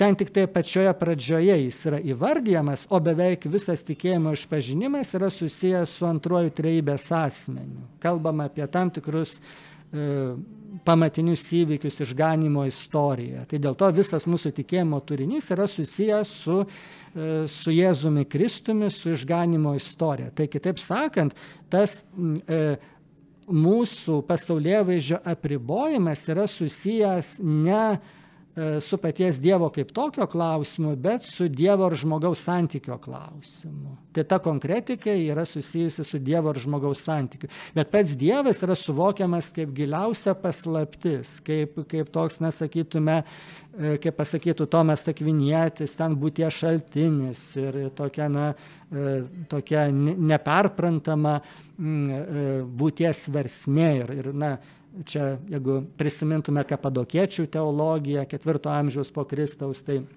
Dievo esmė yra nepažini, laikoma, kad Dievo esmė yra nepažini, nes, nes galų gale ir pati būtis yra slėpininga. Tai štai tada matome, kad tikintysis, kuris į Dievą žiūri kaip į didžiausią paslaptį, kuri gali jį praturtinti ir va tokia tikrovė, kuri gali, gali atskleisti daug naujų aspektų, tai būtent jo mąstymas yra atviras, o ne uždaras. O e, netikintis žmogus, ypač tas, kuris aklai tiki mokslu. Ir mokslą absoliutina ir iš esmės mokslą paverčia religiją. E, jisai e, tikrovę redukuoja į tą tikrovės reprezentaciją, kurią pateikia šio laikinis mokslas. Nes jis mano, kad tai yra jau na, galutinis mokslo žodis. Nors kitą dieną tas žodis galbūt šiek tiek kitoks ar kitas. Ten vieną dieną elementarusios dalelės, ten kitą dieną stygos e, ir, ir taip toliau. Nors jie kalba apie visko teoriją theory of everything, kad maždaug fizikai čia vieną dieną tuoj, tuoj paskelbs tokią teoriją, kurios jau nereikės tobulinti, nes bus iš esmės tobula. Ir tada jau mūsų pažinimas pasibaigs. Bent jau mūsų pažinimas tų pačių bazinių tikrovės e, tos tikrovės bazės. Nors kiti mokslai galės toliau vystytis, bet, bet kokia tikrovė savo, savo, savo pagrindė, neva, neva bus atsakyta visiems laikams. Tai, tai labai labai abejotina, ar taip bus. Tai dėl to e, tai, ką mokslas e, pasako apie pasaulį, tai yra tikrovės ir tik tai labai mažo tikrovės segmento tam tikra reprezentacija, kuri vėliau bus pakeista. Ir štai tada netikintis žmogus, kuris mano, kad eina koja į koją su šio laikiniu mokslu. Tai jisai sako, va tikrovės pamatuose yra tie materialūs elementai. Ir, ir va, aš žinau, kad taip yra, nes mokslas tai pasakė. Ir, ir daugiau nieko iš tos tikrovės nesitikiu, nes va, yra taip, kaip yra. Ir dažnai taip ir sako, kad, kad na, iš esmės nėra jokios paslapties. Tikrovė yra paprasta, pasaulis yra paprastas, jo pamatai yra fiziniai, materialūs ir nieko čia nėra sudėtingo. Dar yra pačioje filosofijoje labai madingi materializmai ir kalbama apie pačios ontologijos plokštėjimą, apie tas plokščias ontologijas kalbama taikoma tokias ontologijas, kur iš esmės transcendencijos nereikia, viskas imanentiškai suprantama. Tai čia irgi remiamasi prielaida, kad, kad tos paslapties nėra ir kad, kad na, mūsų mąstymas iš esmės geba, geba labai labai lengvai susidoroti su, su tais esminiais pažinimo iššūkiais. Tai tada toliau tą argumentą plėtodamas, aš kaip tik ir noriu pasakyti, kad kai mes e, tikrovę suvokiame va štai tokiu būdu, kaip paslaptinga, tai tada turime e, sakyti, kad bet kuris bandymas tą tikrovę iš didžiosios raidės kažkaip apriboti, tam tikrais metafiziniais vaizdiniais yra ne, ne, ne, nepagristas e, nepagrįsta užmačia. Nes jeigu mes redukuojame tikrovę į kažkokias bazinės plyteles, ir sakome, kad va iš tokių elementų tikrovė dėliojasi. Čia ir pirmieji krikščionys kritikavo, kritikavo e, kai kuriuos pagonių filosofus, sakydami, kad jie, jie viską suveda į e, me, medžiaginės stichijas, suveda į tuos, na, tokius kaip tik, kaip tik nepamatinius elementus, kuriuos jie laiko pamatiniais. Reiškia, vergauja toms materialiosioms stichijoms, tiems materialiesiams pradam. Tai čia va šitam ir, ir matome. Tai tada galima netgi sakyti, kad jeigu tikrovė yra, yra pranokstanti mūsų pažinimo ir, ir įsivaizdavimo gebėjimą, kažkas daugiau negu mes galime pamastyti ir, ir ir įsivaizduoti, tai negalime, negalime, tikro, negalime tikrovės suvokti kaip, kaip kažkokios redukuotos, suschemintos ir kaip primityvios. Na, pavyzdžiui, sakyti, kad va, e, tikrovę geriau įsivaizduoti kaip akmenį negu kaip žmogų, nes akmuo yra kažkas pamatiškiau. Tai iš tiesų taip nėra, nes pats akmuo yra tam tikra mūsų schematizacija. Ir tada mes e, bandome tikrovės sudėtingumą redukuoti į akmens tą kažkokį e, e, sudėtingumą, kuris nėra toks jau didelis, ar į elementariosios dalelės, ar dar kažko. Ir dabar periname prie antropomorfizmo klausimo. Tai e, kai aš suvokiu tikrovės sudėtingumą ir Dievo sudėtingumą, tai aš tada turiu sakyti, kad Dievui netrūksta nieko, ką aš galiu įsivaizduoti. Ir mano galimybė pamastyti jį sutampa apskritai su mano paties akiračiu, su mano paties mąstymo ir patirties lubomis, o tai yra žmogiškumo lubos. Nes aš kaip žmogus, na, negaliu. E, iš tiesų realiai e, patirti, suvokti, pažinti kažko, kas būtų kas pranoktų žmogų. Tai dėl to ir mano įsivaizdavimas apie Dievą yra ties ta riba, kuri yra mano suvokimo riba, tai yra žmogiška riba. Tai štai, kai mes atrandame E, religijų istorijoje ir, ir krikščionybės istorijoje, ir judaizmo istorijoje tam tikrus antropomorfinius Dievo vaizdinius. Tai taip yra todėl, kad, kad na, viena vertus Dievas taip norėjo pasirodyti žmogui, o kita vertus, kad na, žmog, žmogus sukurtas toks, kad jo gebėjimas pažinti na, sustoja su jo paties E, patirtinėmis ribomis. Tai, tai e, iš to neplaukia, kad Dievas yra žmogus arba jis kaip žmogus, bet plaukia tai, kad jis bent nėra kažkas primityviau negu žmogus, kad jis nėra E, nėra augalas, nėra straigė arba nėra tas pats akmuo. Tai dėl to e, mąstyti e, apie Dievą kaip žmogų yra adekvačiau negu mąstyti jį, apie jį kaip, kaip apie Higgso bozoną, apie akmenį arba ten, nežinau, vandenį arba dar kažką. Bet iš tiesų tai Dievas pranoksta žmogiškumą, o žmogus tiesiog sustoja ties ta riba, kuria E, kuri jam yra duota. Tai čia tiesiog kaip suvokimo lubos. Kad būtų dar aiškesnis šitas argumentas, tai tiesiog e, noriu pateikti pavyzdį iš kito gyvūno perspektyvos. Pavyzdžiui, e, kaip, kaip šuo suvokia savo šeimininką. Jis suvokia jį kaip kitą šunį, jis suvokia jį kaip, na, kaip vilkų gaujos, kaip šunų gaujos vadą, kuris na, dominuoja iš čia tą, tą šunų kažkokią gaują valdo. Tai va štai šunį duota suvokti žmogų kaip šunį.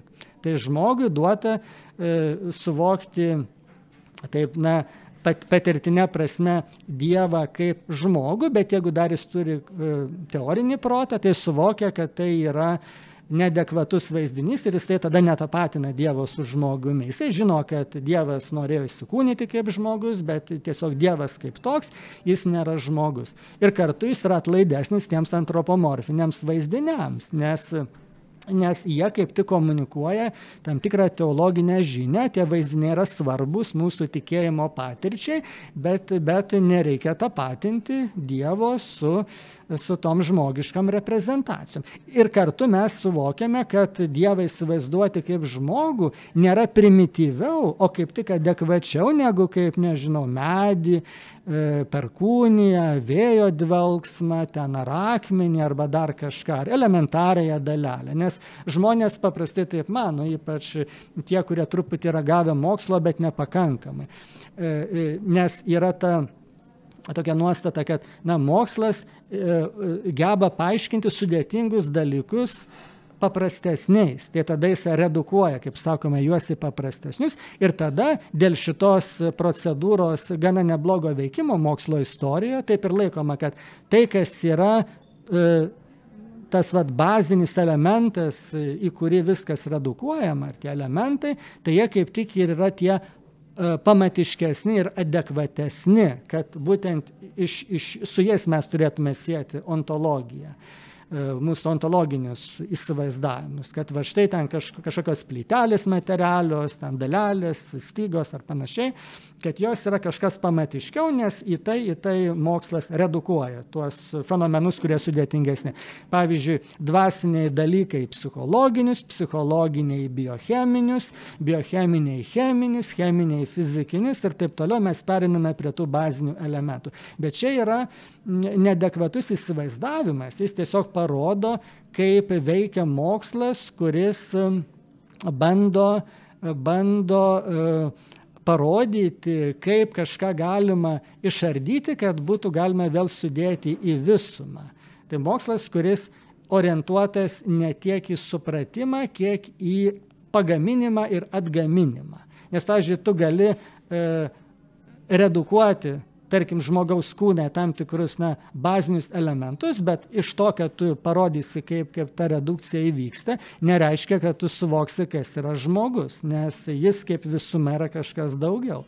Tai tas išskaidimas ir išardymas, kuris reikalingas tam, kad tu vėl, na, susintetintum, kad tu pagamintum. Nes mokslas dažnai e, kažką pažindamas tiesiog nori išmokti atgaminti ir pagaminti, o ne, o ne suprasti. Tai dėl to ir ta redukcijos procedūra tik tiek, tik, tiek ir yra prasminga, kad jinai parodo, parodo kas kaip įvairiuose lygmenyse susiję ir, ir, ir kokie ten tie hierarchiniai lygmenys yra. Bet nieko nepasako apie tą ontologinį pirmumą, nes galų gale vis tiek viskas e, susiveda į tai, ką vadina Kvainas, garsus amerikiečių filosofas, beje ateistas ir fizikalistas, ką vadina ontologiniu įsipareigojimu, bet jis ir, ir, ir neslepia kortų, jis sako, kad štai jis e, labiau įsipareigoja ontologiškai fizikalizmui, o ne pavyzdžiui Olimpo dievams. Jo ontologiniai objektai yra tie, tie tie objektai, kurie yra fizikoje, o ne tie, kurie graikų mitologija.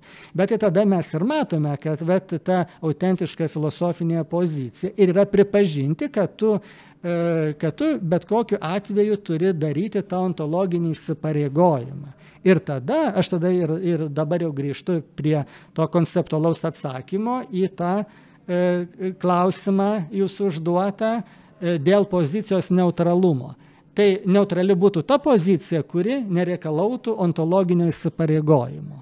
Tai vad Kvanas sako, kad, kad bet kokiu atveju tas įsipareigojimas yra reikalingas. Tu negali būti ateistas, jeigu tu tu tam tikro ontologinio įsipareigojimo nepadarai. O jeigu tu jį padarai, tu esi iš esmės neutralus. Tai dėl to čia yra e, e, čia tokia na, nuostata, kuri galbūt yra nereflektuota, na manyti, kad ateistas yra neutralus ir kad čia jam tarsi nieko nereikia ir, ir jo pasaulyje vaizdis toks, na, kaip savame suprantamas ir natūralus ir neutralus, sakytume, veganiškas pasaulyje vaizdis. Tai iš tiesų nėra, nes jis taip pat turi savo mėsytę, kurią valgo, bet jis tos mėsytės nereflektuoja. Mm. Tai va štai reikia filosofo, kuris tą parodytų. O dažniausiai, kaip tik, e, jie, e, na, nu, e, tie, kurie mano, kad tikrovės pamatuose yra kažkas vat, paprasčiau, tai jie tą tikrovę ir suprimityvina, nes jie kaip maži vaikai toliau žaidžia kaladėlėmis. Jie, jie bando konstruoti tikrovę iš tų kaladėlių. Na, mokslas mėgsta šį betą pakonstruoti ar, ar, ar dekonstruoti ar rekonstruoti. Bet, bet tikrovė jinai yra, na, kaip, kaip ir patys fizikai dažnai sako, jinai yra toks na, vientisas holistinis organizmas. Ir, ir mes daug ko apie tą, tą visumą nežinome. Tai štai e, galime tik e, apie, kalbėti apie, apie sukurtąjį pasaulį va tokiu, tokiu būdu, bet dar labiau fortiori e, apie Dievą, kuris, kuris ir yra iš tiesų ta, ta jau galutinė tikrovė ir, ir to sukurto pasaulio nebūtų, jeigu nebūtų Dievo. Tai, tai jeigu kalbame apie, apie tikrovę kaip paslaptingą, turėdami galvoje sukurtą į pasaulį, va šį pasaulį, kurį matome, e, tai e, kalbant apie Dievą, tie argumentai dar labiau galioja. Tai, tai žodžiu, mes sustojame dažnai ties tą antropomorfizmo ribą, tą sudėtingumo ribą, kuri mums kaip žmonėm duota, bet mes po to dar ir reflektuojame, kad, kad Dievas yra daugiau negu žmogus, kad yra tam tikra riba. Kita vertus, e, Dievo įsivaizdavimas per antropomorfistinės reprezentacijas nėra e, nedekvatesnis, kvailesnis, primityvesnis negu įsivaizdavimas ten Dievo kaip perkūnijos, kaip vėlo, vėjo dvelsmo, kaip medžio, ten kaip akmens ar dar, dar kažko. Kitaip tariant, ar būtų galima pasakyti, kad norint pradėti normalią diskusiją šito klausimu, Dievo klausimu, Dievo buvimo, nebuvimo, e, mums reikėtų pirmiausia pabandyti suprasti, apie ką daug maž mes kalbam, kad mes nekalbam apie deduką sėdinti su barzda debesis ir tada nuo to galim pradėti taip, judinti taip, kažkaip tą taip, diskusiją. Taip. Bet jūs labai įdomu tą momentą pastebėjot, kad netgi toks antropomorfinis įsivaizdavimas, jis nieko nėra blogesnis arba netgi geresnis negu kažkokios dalelės ten, kur atrodo jau ateistų galbūt ne, mes čia jau viską žinom, mes dėliojam tą tikrovę patys, e, kaip suprantam ją o, o jūs čia tikit kažkokiais vat, tokiais keistais dievais, nors iš tikrųjų krikščionio, kaip ir sakė, tas mąstymas peržengia tai, nesustoja ties um, vien tik kažkokiu tokiu žmogiškojų uh, pavydalu. Ir uh, čia yra uh, įdomu gal uh, tikriausiai pradėti apie to, kalbėti apie tos dievo buvimo uh, ne visai gal įrodymus, bet jūs labiau mėgstate atsakyti argumentus Dievo buvimui pagrysti, galbūt. Ne? Ir gal pirmiausia pradėkit um, paaiškindamas, kai kuo skiriasi įrodymas nuo argumento, nes čia jūs jau vieną tokį argumentą ir išmesgėt, e, kaip ir pradėdamas nuo tikrovės, kas jinai tokia yra, ir eidamas, e, eidamas prie to, ką mes turime vienie, kai sakom Dievas. Taip, paprastai e, logikoje argumentu dažniausiai laikomas toks įrodymas, e, kuris e, galioja būtinai, e, kaip Aristotelis pasakytų, eksanankė, skatanankin, įrodymas, kuris galioja pagal būtinybę. Būtinas įrodymas ir griežta prasme įrodymas vat būtent toks ir turėtų būti, arba toks ir yra. Ir vadinami indukciniai argumentai ar įrodymai jau jie nėra įrodymai pagal būtinybę, nėra būtini įrodymai. Bet visa bėda yra ta, kad e, tik tai e, formaliuose sistemose, tik tai logikoje ir, ir matematikoje e, tokie įrodymai yra galimi. Ir paprastai galimybė kažką įrodyti, jinai yra e, dažnai susijęta su e, neturiningumu. Ten, kur e, įsipainioja į argumentaciją vienoks ar kitoks turinys, galimybė griežtai įrodyti na, teiginį susijusi su tam tikrais turiniais darosi problemiška. Tai dėl to e, e, čia kaip lo, logikoje. Kiekvienas e, logikos dėsnis tai yra na, tautologinis teiginys, formalus tam tikras e, tautologinis teiginys, kuris, e, kurio teisingumas yra įrodytas. Tai, na, paprasčiau tariant, tai, ką mes galime įrodyti, yra labai formalūs dalykai ir neturiningi dalykai. O kai bandome formą susijęti su turiniu, tai tada jau mes išeiname iš tos mm, sterilaus, grino, griežto, ar, griežto įrodymo teritorijos ir jau periname e, prie, prie tokios, kaip aš pasakyčiau, argumentavimo e, teritorijos. Tai va, tai kitaip sakant, e, tik logikoje, tik matematikoje ir, ir labai, labai siaura apimtimi kituose tiksliuosiuose moksluose. Tie, tie griežti įrodymai galioja ir yra įmanomi apskritai tokie įrodymai, kurie galioja pagal būtinybę. Tai būtent dedukciniai įrodymai. Indukciniai įrodymai yra įrodymai pagal tikimybę ir jų net vadinti įrodymais nėra, nėra iki galo pagrįsta. Tai yra tokie įrodymai iš dalies, pusiau įrodymai. Tikrieji įrodymai yra dedukciniai įrodymai. Ir e, kai mes kalbame apie, apie dedukcinius įrodymus, tai juose e, jiems yra būdinga tai, kad teiginio teisingumas priklauso ir nuo prielaidų teisingumo, ir nuo loginės formos, nuo teiginių susietumo, kitaip sakant, korektiškumo. Tai pavyzdžiui, gali būti prielaidos neteisingos, o formali loginė forma adekvati ir vis tiek išvados bus neteisingos. Arba gali būti prielaidos teisingos, bet loginė forma nedekvati, nekorektiška ir tada išvados yra neteisingos. Tai tam, kad dedukcinis įrodymas būtų pagristas, reikia ir teisingų prielaidų, ir adekvačios, korektiškos loginės formos.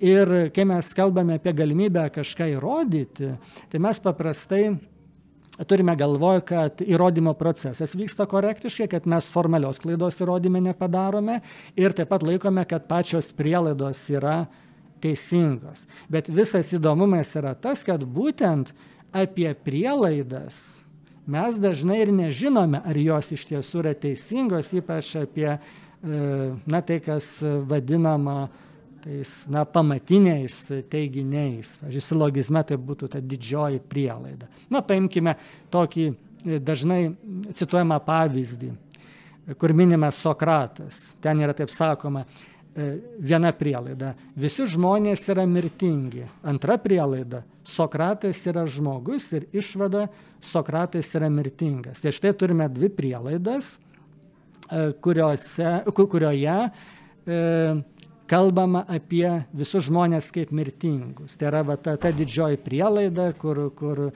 na, turinys yra abstraktesnio pobūdžio negu kitoje prielaidoje. Kita prielaida yra Sokratas yra žmogus. Tai taip juokai sakant, na, mes negalime būti tikri, ar visi žmonės yra e, mirtingi, nes nėra, nėra bendro principo, loginio dėsnio nėra, kad visi žmonės yra mirtingi, nors mes iš biologijos žinome indukciškai, kad visi žmonės mirtingi, bet žiūrint griežtai, e, ta visa biologinė patirtis negalioja. Čia reikia kažkokio gamtos dėsnio, kad visi žmonės būtų mirtingi.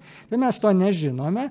E, tam, kad įsitikintume, reikėtų sulaukti visų žmonių, kol jie numirs, tada indukciniui argumentu per enumeracionem simplicem paprasto išvardymo būdu sakytume, kad visi žmonės yra mirtingi, nes mes išvardėjome visus elementus ir parodėme, kad jie visi yra e, mirtingi. Vienas žmogus, antras, trečias, visi, visi kiek jų yra numirę ir tada mes galime sakyti, kad, kad visi žmonės yra mirtingi. Tai va, tai mes e, ne, negalime būti tikri, ar ta prielaida yra teisinga, nors jinai šiaip yra visiškai korektiška ir visiškai adekvati sveikų protų mąstant. Bet žiūrint labai griežtai, tai mes nesame tikri. Ir dabar kitas, e, kitas, kita prielaida - Sokratas yra žmogus. Tai mes ne juokės galėtume sakyti, kad Sokratas neaišku, ar buvo žmogus, jo mąstymas labai keistas, jo išvaizda labai keista, kaip Sileno ar net amžininkai stebėjosi jo keistomis savybėmis jis blaivus ir kūnu, ir siela, jis nepavarksta, nepasigeria ir jo mąstymas kažkoks nežmogiškas, tai galbūt jis nėra žmogus. Tai štai, juokai sakant, net ir šita prielaida nėra, nėra iki galo žinoma. Bet jeigu tas prielaidas laikome teisingomis, tai tada, tada iš tų dviejų prielaidų plaukia išvada. Tai štai su visais įrodymais paprastai taip ir būna, kad jeigu jie yra konceptualiai komplikuoti, gali būti loginė klaida įsivėlusi pačioje e, įrodinėjimo procedūroje ir, ir reikia na, daug, daug pastabumo, kad tą klaidą pamatytum, o net jeigu tos klaidos nėra, tai gali būti viena ar kita prielaida neteisinga. Na va, tai dėl to, e, jeigu kalbėtume labai griežtai, tai e, labai sunku kažką įrodyti, e, išskyrus pačius formaliausius dalykus logikoje, matematikoje ir, ir, ir dar, dar sunkiau kituose, kituose moksluose, ar būtent gamtos moksluose. Ir, ir tie dalykai yra tiek formalūs, taip e, mažai susijęs su turiniais, kad labai mums e, mažai ką gali pasakyti apie pasaulyje vaizdį. Ir dėl to kai mes, pavyzdžiui, reikalaujame Dievo buvimo įrodymų, tai galime tada pasakyti, kad tokių labai griežtų įrodymų apie beveik nieką negalima pateikti mokslė. Nes praktiškai visos mokslinės teorijos iš esmės yra tik dar nepaneigtos hipotezės. Jos tiesiog nuolat eksperimentais vis dar e, patvirtinamos, e, tiesiog pratestant jų galio, galiojimo laiką su tokiu avansu į priekį, bet niekada nerandama e, tokio, na, mirtino įrodymo, kad va ta ar kita e, fizikinė teorija ar kito mokslo teorija yra teisinga. Pavyzdžiui, tas pats Newtono traukos dėsnis. Tai yra hipotezė, kuri, kuri na, kol kas labai gerai veikia, bet sakyti, kad tai yra visiškai įrodyta, nėra. Tai štai vienas dalykas yra pasitikėjimas šituo dėsniu, nes mes žinome, kad lėktuvai puikiai skrenda, nekrenta ir viskas ten paskaičiuota taip, kaip reikia, ir planetos juda aplink Saulę ir viskas čia gerai su tuo e, Newtono traukos dėsniu bet žiūrint iš tokios labai griežtos e, lo, loginės perspektyvos, tai, tai tokie dėsniai kaip Newtono traukos dėsnis, jie yra hipotezės, kurios labai gerai pasiteisina ir kol kas nėra paneigtos. Bet, bet, bet kuris vadinamasis gamtos dėsnis, bet kuri fizikinė teorija, ji e, nuodugniai ir nuolat yra tikrinama, tikrinamos. Pavyzdžiui, Newtono bendroji relativumo teorija buvo ir, ir iki pačių dienų buvo tikrinama ir ateityje, jų bus tikrinama, kol kas viskas su jie gerai, bet tas faktas, kad ji nuolat tikrinama, parodo e, mokslininkų supratimą, kad ta teorija nėra šventa karvė. Tai bet visos teorijos moksle, visi dėsniai moksle, jie yra e, jie tiesiog yra nepaneigtos hipotezės. Ir, ir šia prasme mokslė nėra iki galo įrodytų dalykų, nors paprastam žmogui tas, tas yra sunkiai suvokiama, nes tiki, tiki mokslo e, pasiekimais kaip, kaip šventais dalykais, kaip šventomis karvėmis tiki. Tai dėl to e, labai svarbu, e, kalbant apie Dievo buvimo įrodymus ar argumentus suprasti, kas yra įrodymai apskritai, kad tie įrodymai grinaja prasme, griežtąją prasme, e, jie įmanomi tik tai ten, kur, kur beveik neturime reikalo su komplikuotais turiniais arba apskritai su jokiais turiniais, tai tik tai tokios išraiškos, kurios yra tautologinės, kurios yra formalios, jos gali būti e, griežtai įrodytos. O ten, kur jau susidurėme su, su tikra tikrovė, o ne tik su tikrovės formomis, ten jau galime, lab, galima tik tai argumentuoti, o neįmanoma griežtai kažko įrodyti. Ir taip yra ne tik su Dievu, bet su viskuo.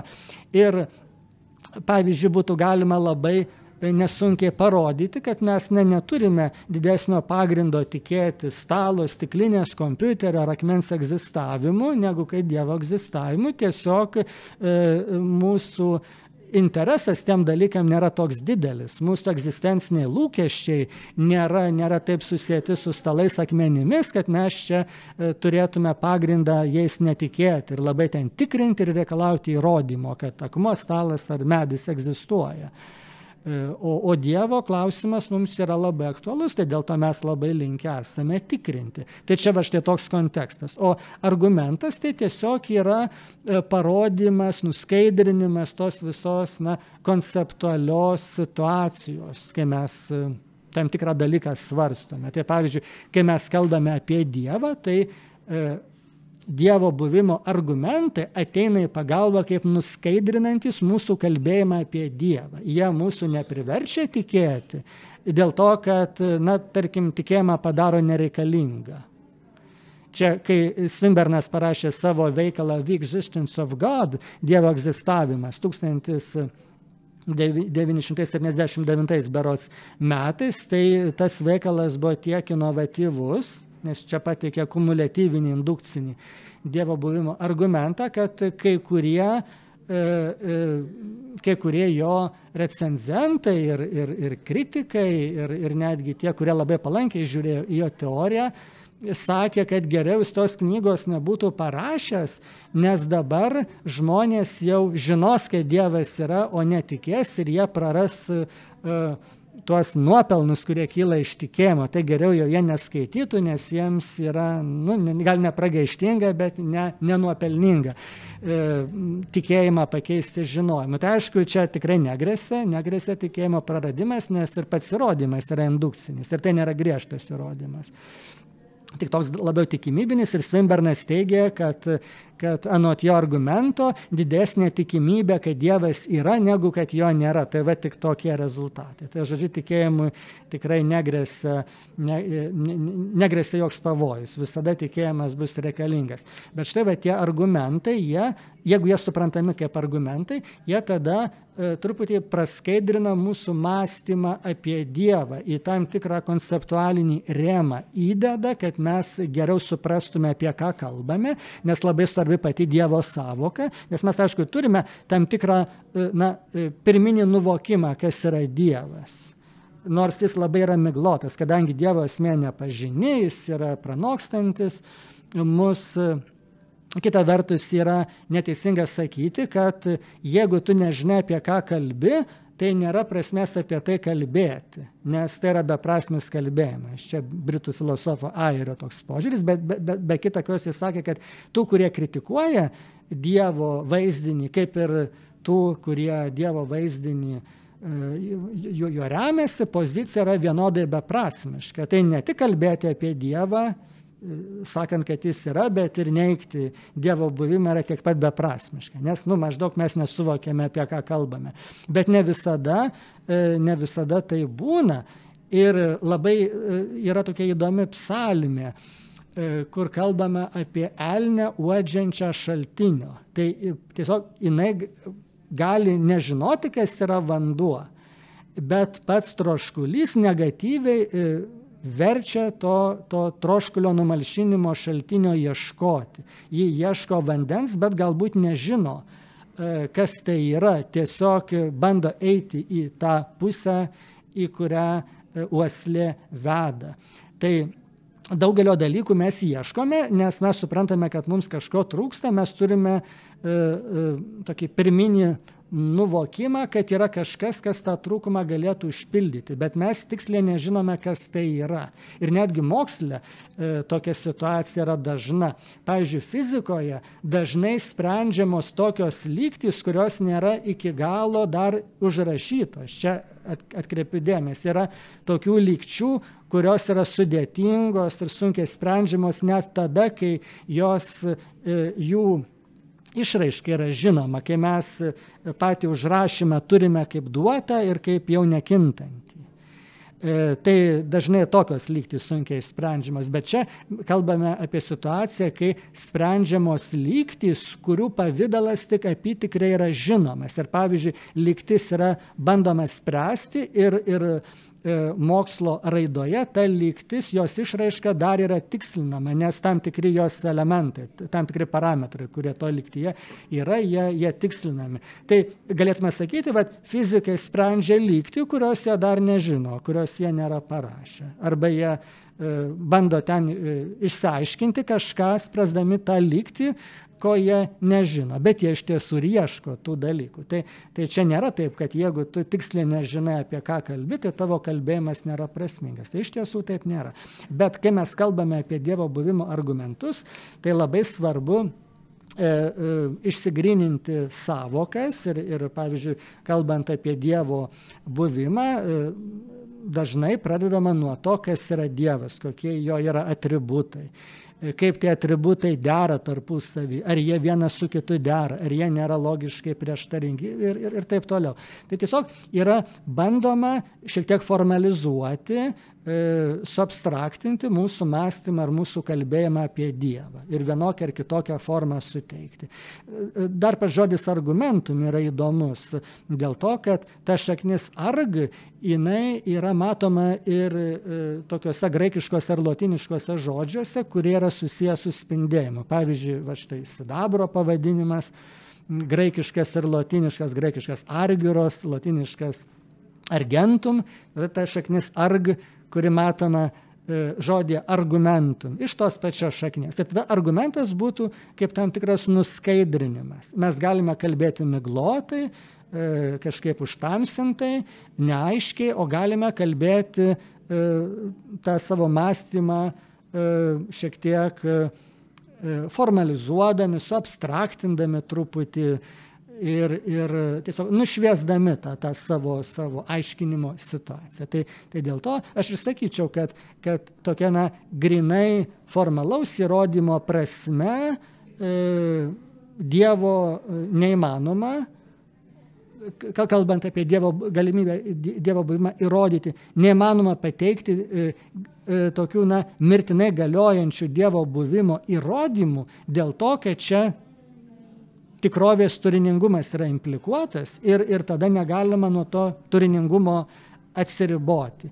Ir kadangi tik tai, tik tai e, visiškai formalūs teiginiai gali būti įrodyti, gri, griežtai, gri, grinai griežtai pagal būtinybę, tai e, įrodyti Dievą va tokiu būdu neįmanoma, nes Dievas čia nėra formalus dalykas, čia yra turiniai implikuoti, dėl to tokių e, griežtų įrodymų negali būti. Nors kai kurie filosofai, na, mano, kad tokie, tokie yra įmanomi, aš labai abejoju, ar tokie yra įmanomi ir aš manau, kad labiau, labiau pagrista tuos, tuos vadinamosius įrodymus vadinti argumentais. Ir aišku, jeigu mes, na, nusileidžiame nuo, nuo įrodymo ligmens prie argumento ligmens, tai mes tuo, aišku, ir pripažįstame, kad, kad griežtai, na taip, mirtinai įrodyti Dievo buvimo neįmanoma, bet tai derinasi ir su mūsų tikėjimo nuostatomis. Tai tiesiog,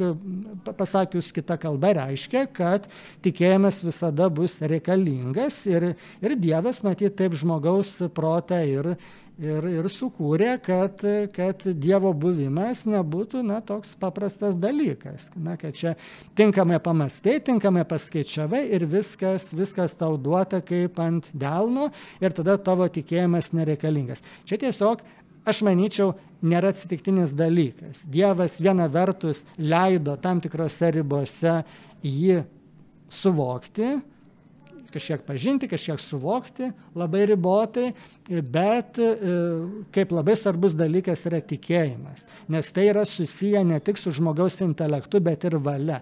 Nes kai aš e, darau tikėjimo judesi, tai aš ne tik savo e, intelektą panaudoju, tas žinias, kurias turiu, tas žinias, kurios man gali leisti kalbėti apie Dievą, bandyti, bandyti tikėjimą pagrysti, bet aš turiu padaryti tą vat, valios judesi. Tai va tikėjimui reikalinga valia ir aš čia visiškai tada suprantu tą jūsų pasakymą pačioje pokalbio pradžioje, kad na, negalima tikėjimo na, viso, viso redukuoti į mąstymą, pažinimą ir aš tą visiškai pripažįstu. Ir, ir taip yra dėl to, kad kad tikėjimas na, numano tą valios elementą. Ir, ir tikėjimo judesys yra kartu vat, valios judesys. Tiesiog ir, ir Dievui reikia mūsų apsisprendimo už jį arba prieš jį. Ir jeigu mes neturėtume to, to tokio e, neiškumo ar, arba tik dalinį neiškumą, e, turėtume, čia kaip Paulius, šventasis Paulius yra pasakęs, kad dabar matome e, neaiškiai miglotą kaip kaip tokiame miglotame veidrodyje, po to matysime Dievą veidas į veidą. Tai vat, būtent dėl to e, ir tas griežtas įrodymas yra neįmanomas, nes reikalingas valios, valios judesys, tikėjimo judesys, kuriame yra va, tas valios elementas, kuris kaip tik e, mūsų tą apsisprendimą už Dievą. Čia galima dar tokius du momentus, man atrodo, pastebėti šitoj vietoj. Visų pirma, nors atrodytų, pataisykit mane, jeigu aš klystu, um, iš to, ką sakot, kad um, nors ir uh, reikalinga, reikalingas uh, valingas apsisprendimas už arba prieš Dievą ir tai yra, atrodo, intencionalu, kad nėra viskas mums taip atskleista kaip, kaip ant delno, kad nebeturėtumėm kur dėtis. Kita vertus, um, tas nuo ko mes ir pradėjom pačioj pradžioj, tai nėra aklas apsisprendimas, vis tiek mes kažkuo remiamės ir mes kalbėjom apie mąstymo procesą tam tikrą, apie tam tikras patirtis, tai nėra taip, kad, ai, tiesiog aš nieko nežinau, nieko nesuprantu, tai tiesiog 50 yra prie 50, dėl to aš apsispręsiu taip, o ne kažkaip taip. Vis tiek mes kažkuo remiamės, ar ne? Yra kažkoks e, pasiremimas. O kitas dalykas yra tai, apie ką jūs irgi kalbėjot, kad e, ne tik apie Dievą kalbant, nemažai šitų dalykų galioja, bet ir, pavyzdžiui, apie stalą šitą kompiuterį arba Apie viską, apie apie jūs, viską. kad Taip. ne, mes negalim griežtai įrodyti vienas kitam, kad Taip. mes esame, ne, mes Taip. galim, kad mes tiesiog Taip, priimame tai filosofija, kažko taip remiant. yra tokia nuostata, kad, kad na, kitų subjektų egzistavimas yra neįrodomas. Tai ti- tiesiog aš e, galiu tikėti, kad jūs esate turintis na, panašų, panašų vidinį gyvenimą, e, panašias na, subjektyves patirtis ir, ir, ir jūsliškai patiriate pasaulį panašiai ir sąmonę panašią turite dėl to, kad e, jūsų tie objektyvūs parametrai panašus į mano, nes matau, kad jūsų kūnas panašus kaip mano, jūs vaikštote panašiai kaip aš, kalbate panašiai kaip aš, tai va tie visi objektyvūs parametrai panašus, tai tada lieka dar tas subjektyvumo elementas, kurį aš turiu tik savo, o jūs turit savo, bet aš tada manau, kad ir jūs kažką panašaus turite, nes kiti, kiti elementai sutampa. Tai čia va yra tas indukcinis įrodymas. Jeigu sistema turinti na, kažkokius elementus A, B, C, D, E, E, F, e, turi tuos, tuos pat elementus kaip kita sistema, e, išskyrus vieną, kuris yra neaiškus, tai tada darome prielaidą, kad tos abi sistemos ir tuo likusiu elementu yra pana, panašus arba vienodas. Jeigu, jeigu, tarkim, visi elementai išskyrus vieną abiejose sutampa, o vienas yra, yra neaiškus, yra svarstomas, tai tada tikimybinių indukcinių mąstymų remiantis e, darome prielaidą, kad ir pagal tą likusį elementą abu, abu daiktai, abu dalykai, kurie, kurie tuos elementus turi, jie sutampa. Tai žodžiu, tada aš darau, darau indukcinį tokį spėjimą, kad kadangi jūs panašus į mane visais likusiais atžvilgiais, tais objektyviais, kuriuos įmanoma vertinti, tai jūs panašus į mane ir, ir tuo subjektyviu elementu, kurio aš negaliu patirti, nes aš negaliu jūsų kailį įlysti ir, ir jūsų, na, patirti jūsų iš jūsų vidaus. Tai va, tai žodžiu, aš tada e, turėčiau netikėti ir kitų subjektų egzistavimu, panašiai kaip ir Dievo egzistavimu ir taip pat galiu, kaip, na, kaip e, koks užkėtės fizikas sakyti, ne, čia medžiai ir stalai neegzistuoja, čia yra tik atomų konfiguracijos ir egzistuoja ten tik, tik kvarkai, tik, tik protonai ir, ir, ir, ir panašiai, bet, bet e, tokie, tokie, e, tokios konsteliacijos e, iliuzinės kaip e, medžiai, žmonės, šunys, stalai e, neegzistuoja, nes čia yra kažkas iliuziška. Tai va, tai, tai e, reikia daryti tą apsisprendimą, e, turint reikalą su visais, visais dalykais, kuriuos mes patiriame savo gyvenime. Tik tai daugelį tų apsisprendimų mes e, padarome automatiškai. Tiesiog mes jų netgi nesuvokiame kaip valingų sprendimų, nes e, tam tikras automatizmas mūsų, mūsų patirtyje išsiugdo, nes mes negalėtume žengti ne žingsnio, nes je- jeigu mes turėtume e, kelti klausimus, to tokius, na, ar čia tas dalykas e, tikras, ar tas žmogus yra tikras ir ar jis turi vidinį pasaulį, o ne tik kažkoks robotas e, ir, ir panašiai. Kiti netgi įtaria, kad jeigu sąmonė kyla kaip sudėtingumo epifenomenas, tai jeigu yra kažkokių daug, daug elementų, kurie susiję ryšiais, tai jie sugeneruoja sąmonę. Tai pavyzdžiui, yra tokių, tokių teorijų, čia funkcionalizmas yra. Kad, na, pavyzdžiui, ypatingai sudėtingas kompiuteris, jis turėtų e, savyje sugeneruoti sąmonę kaip, kaip antrinę savybę, vien dėl to, kad jis yra funkciškai sudėtingas, jame daug, daug elementų, kurie sistemiškai susiję. Tai, va, tai žodžiu, mes, mes e, visada tuos apsisprendimus darome, vieni labiau įsisamoninti, įsisamoninti kiti mažiau, e, bet, bet mes iš to nedarome problemos. O darome problemą iš šito, kad, na, kad jis tiesiog mums pasaulyje žiūriškai labai opus, jis mums labai svarbus. Mums nėra tas pats, ar Dievas yra, ar jo nėra, tai dėl to mes labai dėmiai tikriname, mes labai priekabus. O jeigu taip tikrintume e, kitus dalykus, tai na, liktume, liktume tokioje na pato būsenoje, mes tiesiog nieko apie nieką nežinotume. Kadangi mūsų laikas e, jau atėjo beveik į pabaigą, turim dar kokią dešimtį minučių, noriu vieną klausimą jūsų paklausti, kuris man e, pasirodė e, labai įdomus ir šiaip jis jaunimui yra pakankamai aktualus, e, remiantis to, ką jūs rašėte irgi savo, savo knygą, aš papasakosiu trumpą istoriją, pa, pa, paprašysiu, kad jūs sureaguotumėt, nors jis nėra taip ir tampriai susijęs su tuo, apie ką mes dabar kalbėjom, bet e, vis tiek galvoju, nežinau kitą kartą, kada aš jūs pasikviesiu, kada mums dar pavyks susėsti, tai noriu dabar uh, paklausti. Jūsų knygoje yra vienas straipsnis apie reinkarnaciją. Ir jūs pakankamai kritiškai apie ją atsiliepėte ir pateikėte tokių kontrargumentų, šitą nežinau, kaip nereikėtų pavadinti ją tokiai teorijai, galbūt ar mokymui, doktrinai kažkokia. Ir, ir vienam žmogui, kurį aš padovanau šitą knygą, jisai vartydamas turinį pamatė šitą straipsnį, perskaitė ir kitą dieną norėjo su manim pasikalbėti pakankamai išsamei apie jį, nes buvo supir, supurtita šiek tiek jo pasaulyje žiūra, nes jam buvo savame suprantama, kad reinkarnacija yra toks kaip dalykas. Ir jūs negailestingai va dabar ją sutaršėt. Tai jeigu galit, trumpai, nežinau ar tai yra įmanoma, bet per kelias minutės pabandyti taip e, išdėstyti tuos argumentus, galbūt ir kažkokių kitų yra, kuriuos jūs pateikėt šitam straipsnėje. Pabandyti pirmiausia apibriežti, kas yra ta reinkarnacija, kas šitoks per dalykas ir kodėl jūs laikote, kad vis dėlto jinai yra klaidinga. Taip, na, reinkarnacija dabar yra labai, labai madinga tikėti ir, ir ypač tarp intelektualų ir, ir va, štai ypač vakaruose, na, ypač ind, iš Indijos kilusios religijos ir filosofinės sistemos labai populiarios, net čia kaip dažnai sakoma, kad vos ne visi Hollywoodo aktoriai, jie yra vienai par kitai praktikuojantis budistai ar šiaip besidomintys. besidomintys budizmu. Tai tai be abejo, dabar aš čia tikrai neketinu tų, tų religijų ar filosofijų kritikuoti, bet tiesiog norėčiau atkreipti dėmesį į tai, kad e,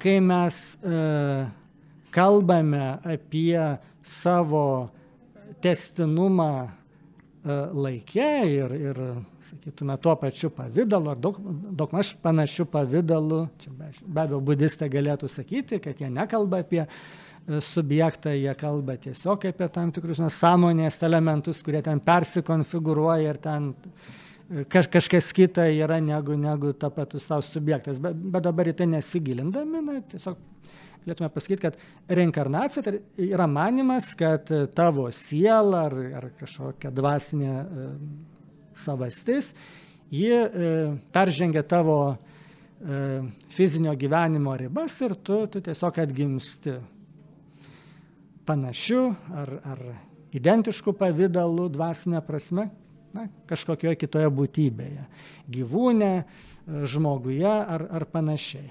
Na, tai visų pirma, tai yra tokia labai konkreti nuostata, e, turinti na, sudėtingą turinį, tai dėl to jį gana sudėtinga yra įrodyti. Čia kaip tik ir yra, bet būtent tas atvejis, kai mes remiamės e, tuo ono, onus probandi principu, turi įrodyti reinkarnacijos faktą būtent tas, kuris taip mano, labiau negu tas, kuris tuo netiki, nes e, tiesiog pati nuostata yra, yra nelabai, nelabai aiški, jos turinys nelabai aiškus ir, ir, ir gana, gana yra ekscentriška pati, pati nuostata.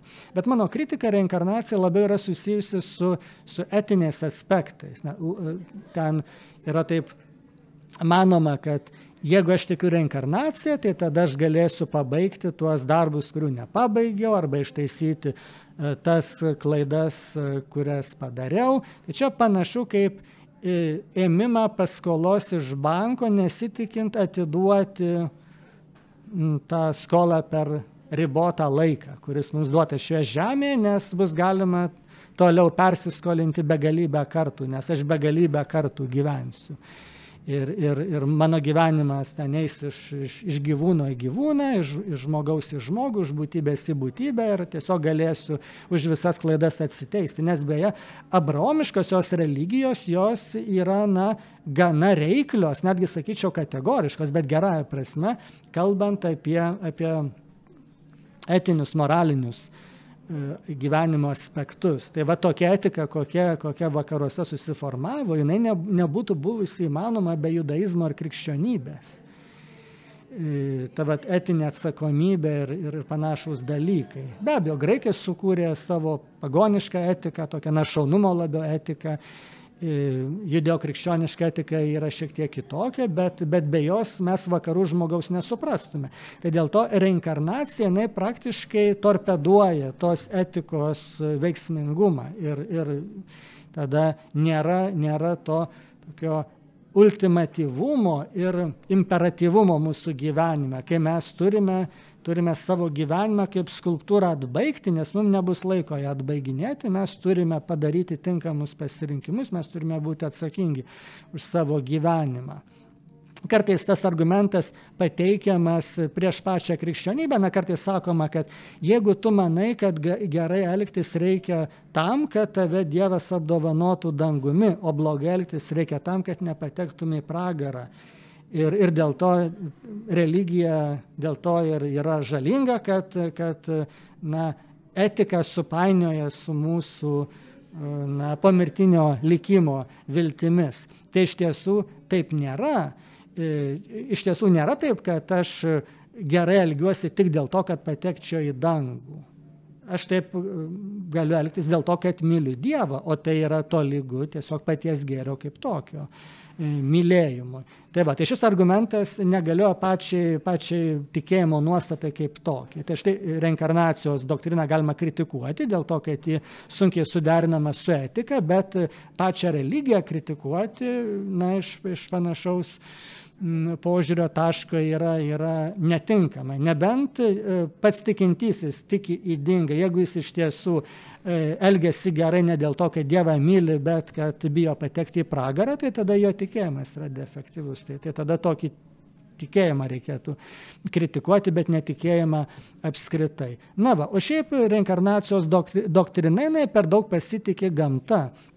E, transcendentinės abromiškosios religijos, jos yra antgamtinės religijos. Tiesiog mes nesudedame visų savo lūkesčių į, į gamtos rezervus, nes reinkarnacija numano tai, kad manyje yra prigimtinis elementas, kuris persikels į kitą prigimtinę plotmę. Nes iš esmės visos rytų religijos, jos na, e, labai turi tokį neišplėtotą transcendencijos supratimą, na galbūt, na šiokį tokį hinduizmas turi, na negalima neikti, turi, turi šiokią tokią metafiziką.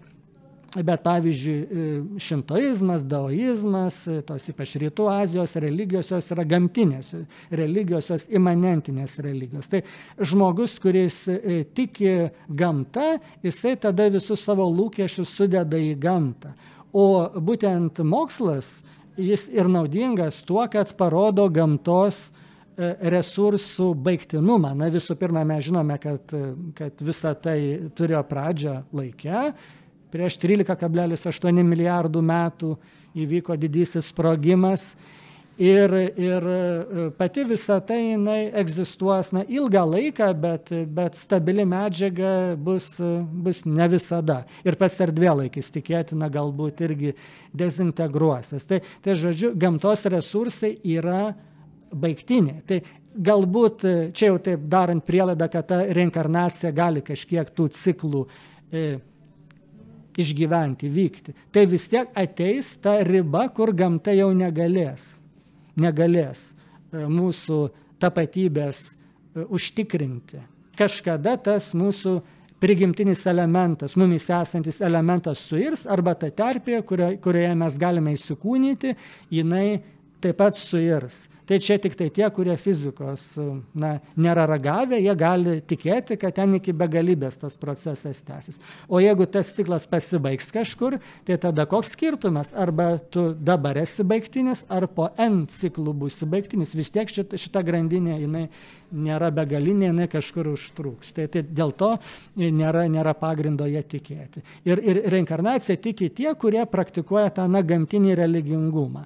Tai tie, kurie na, mano, kad gamta graži, mes tiesiog susiliekime su gamta, ištirpkime gamtoje ir Dievas yra gamta ir, ir viskas gražu. Tai čia yra toks romantizuotas požiūris į gamtą.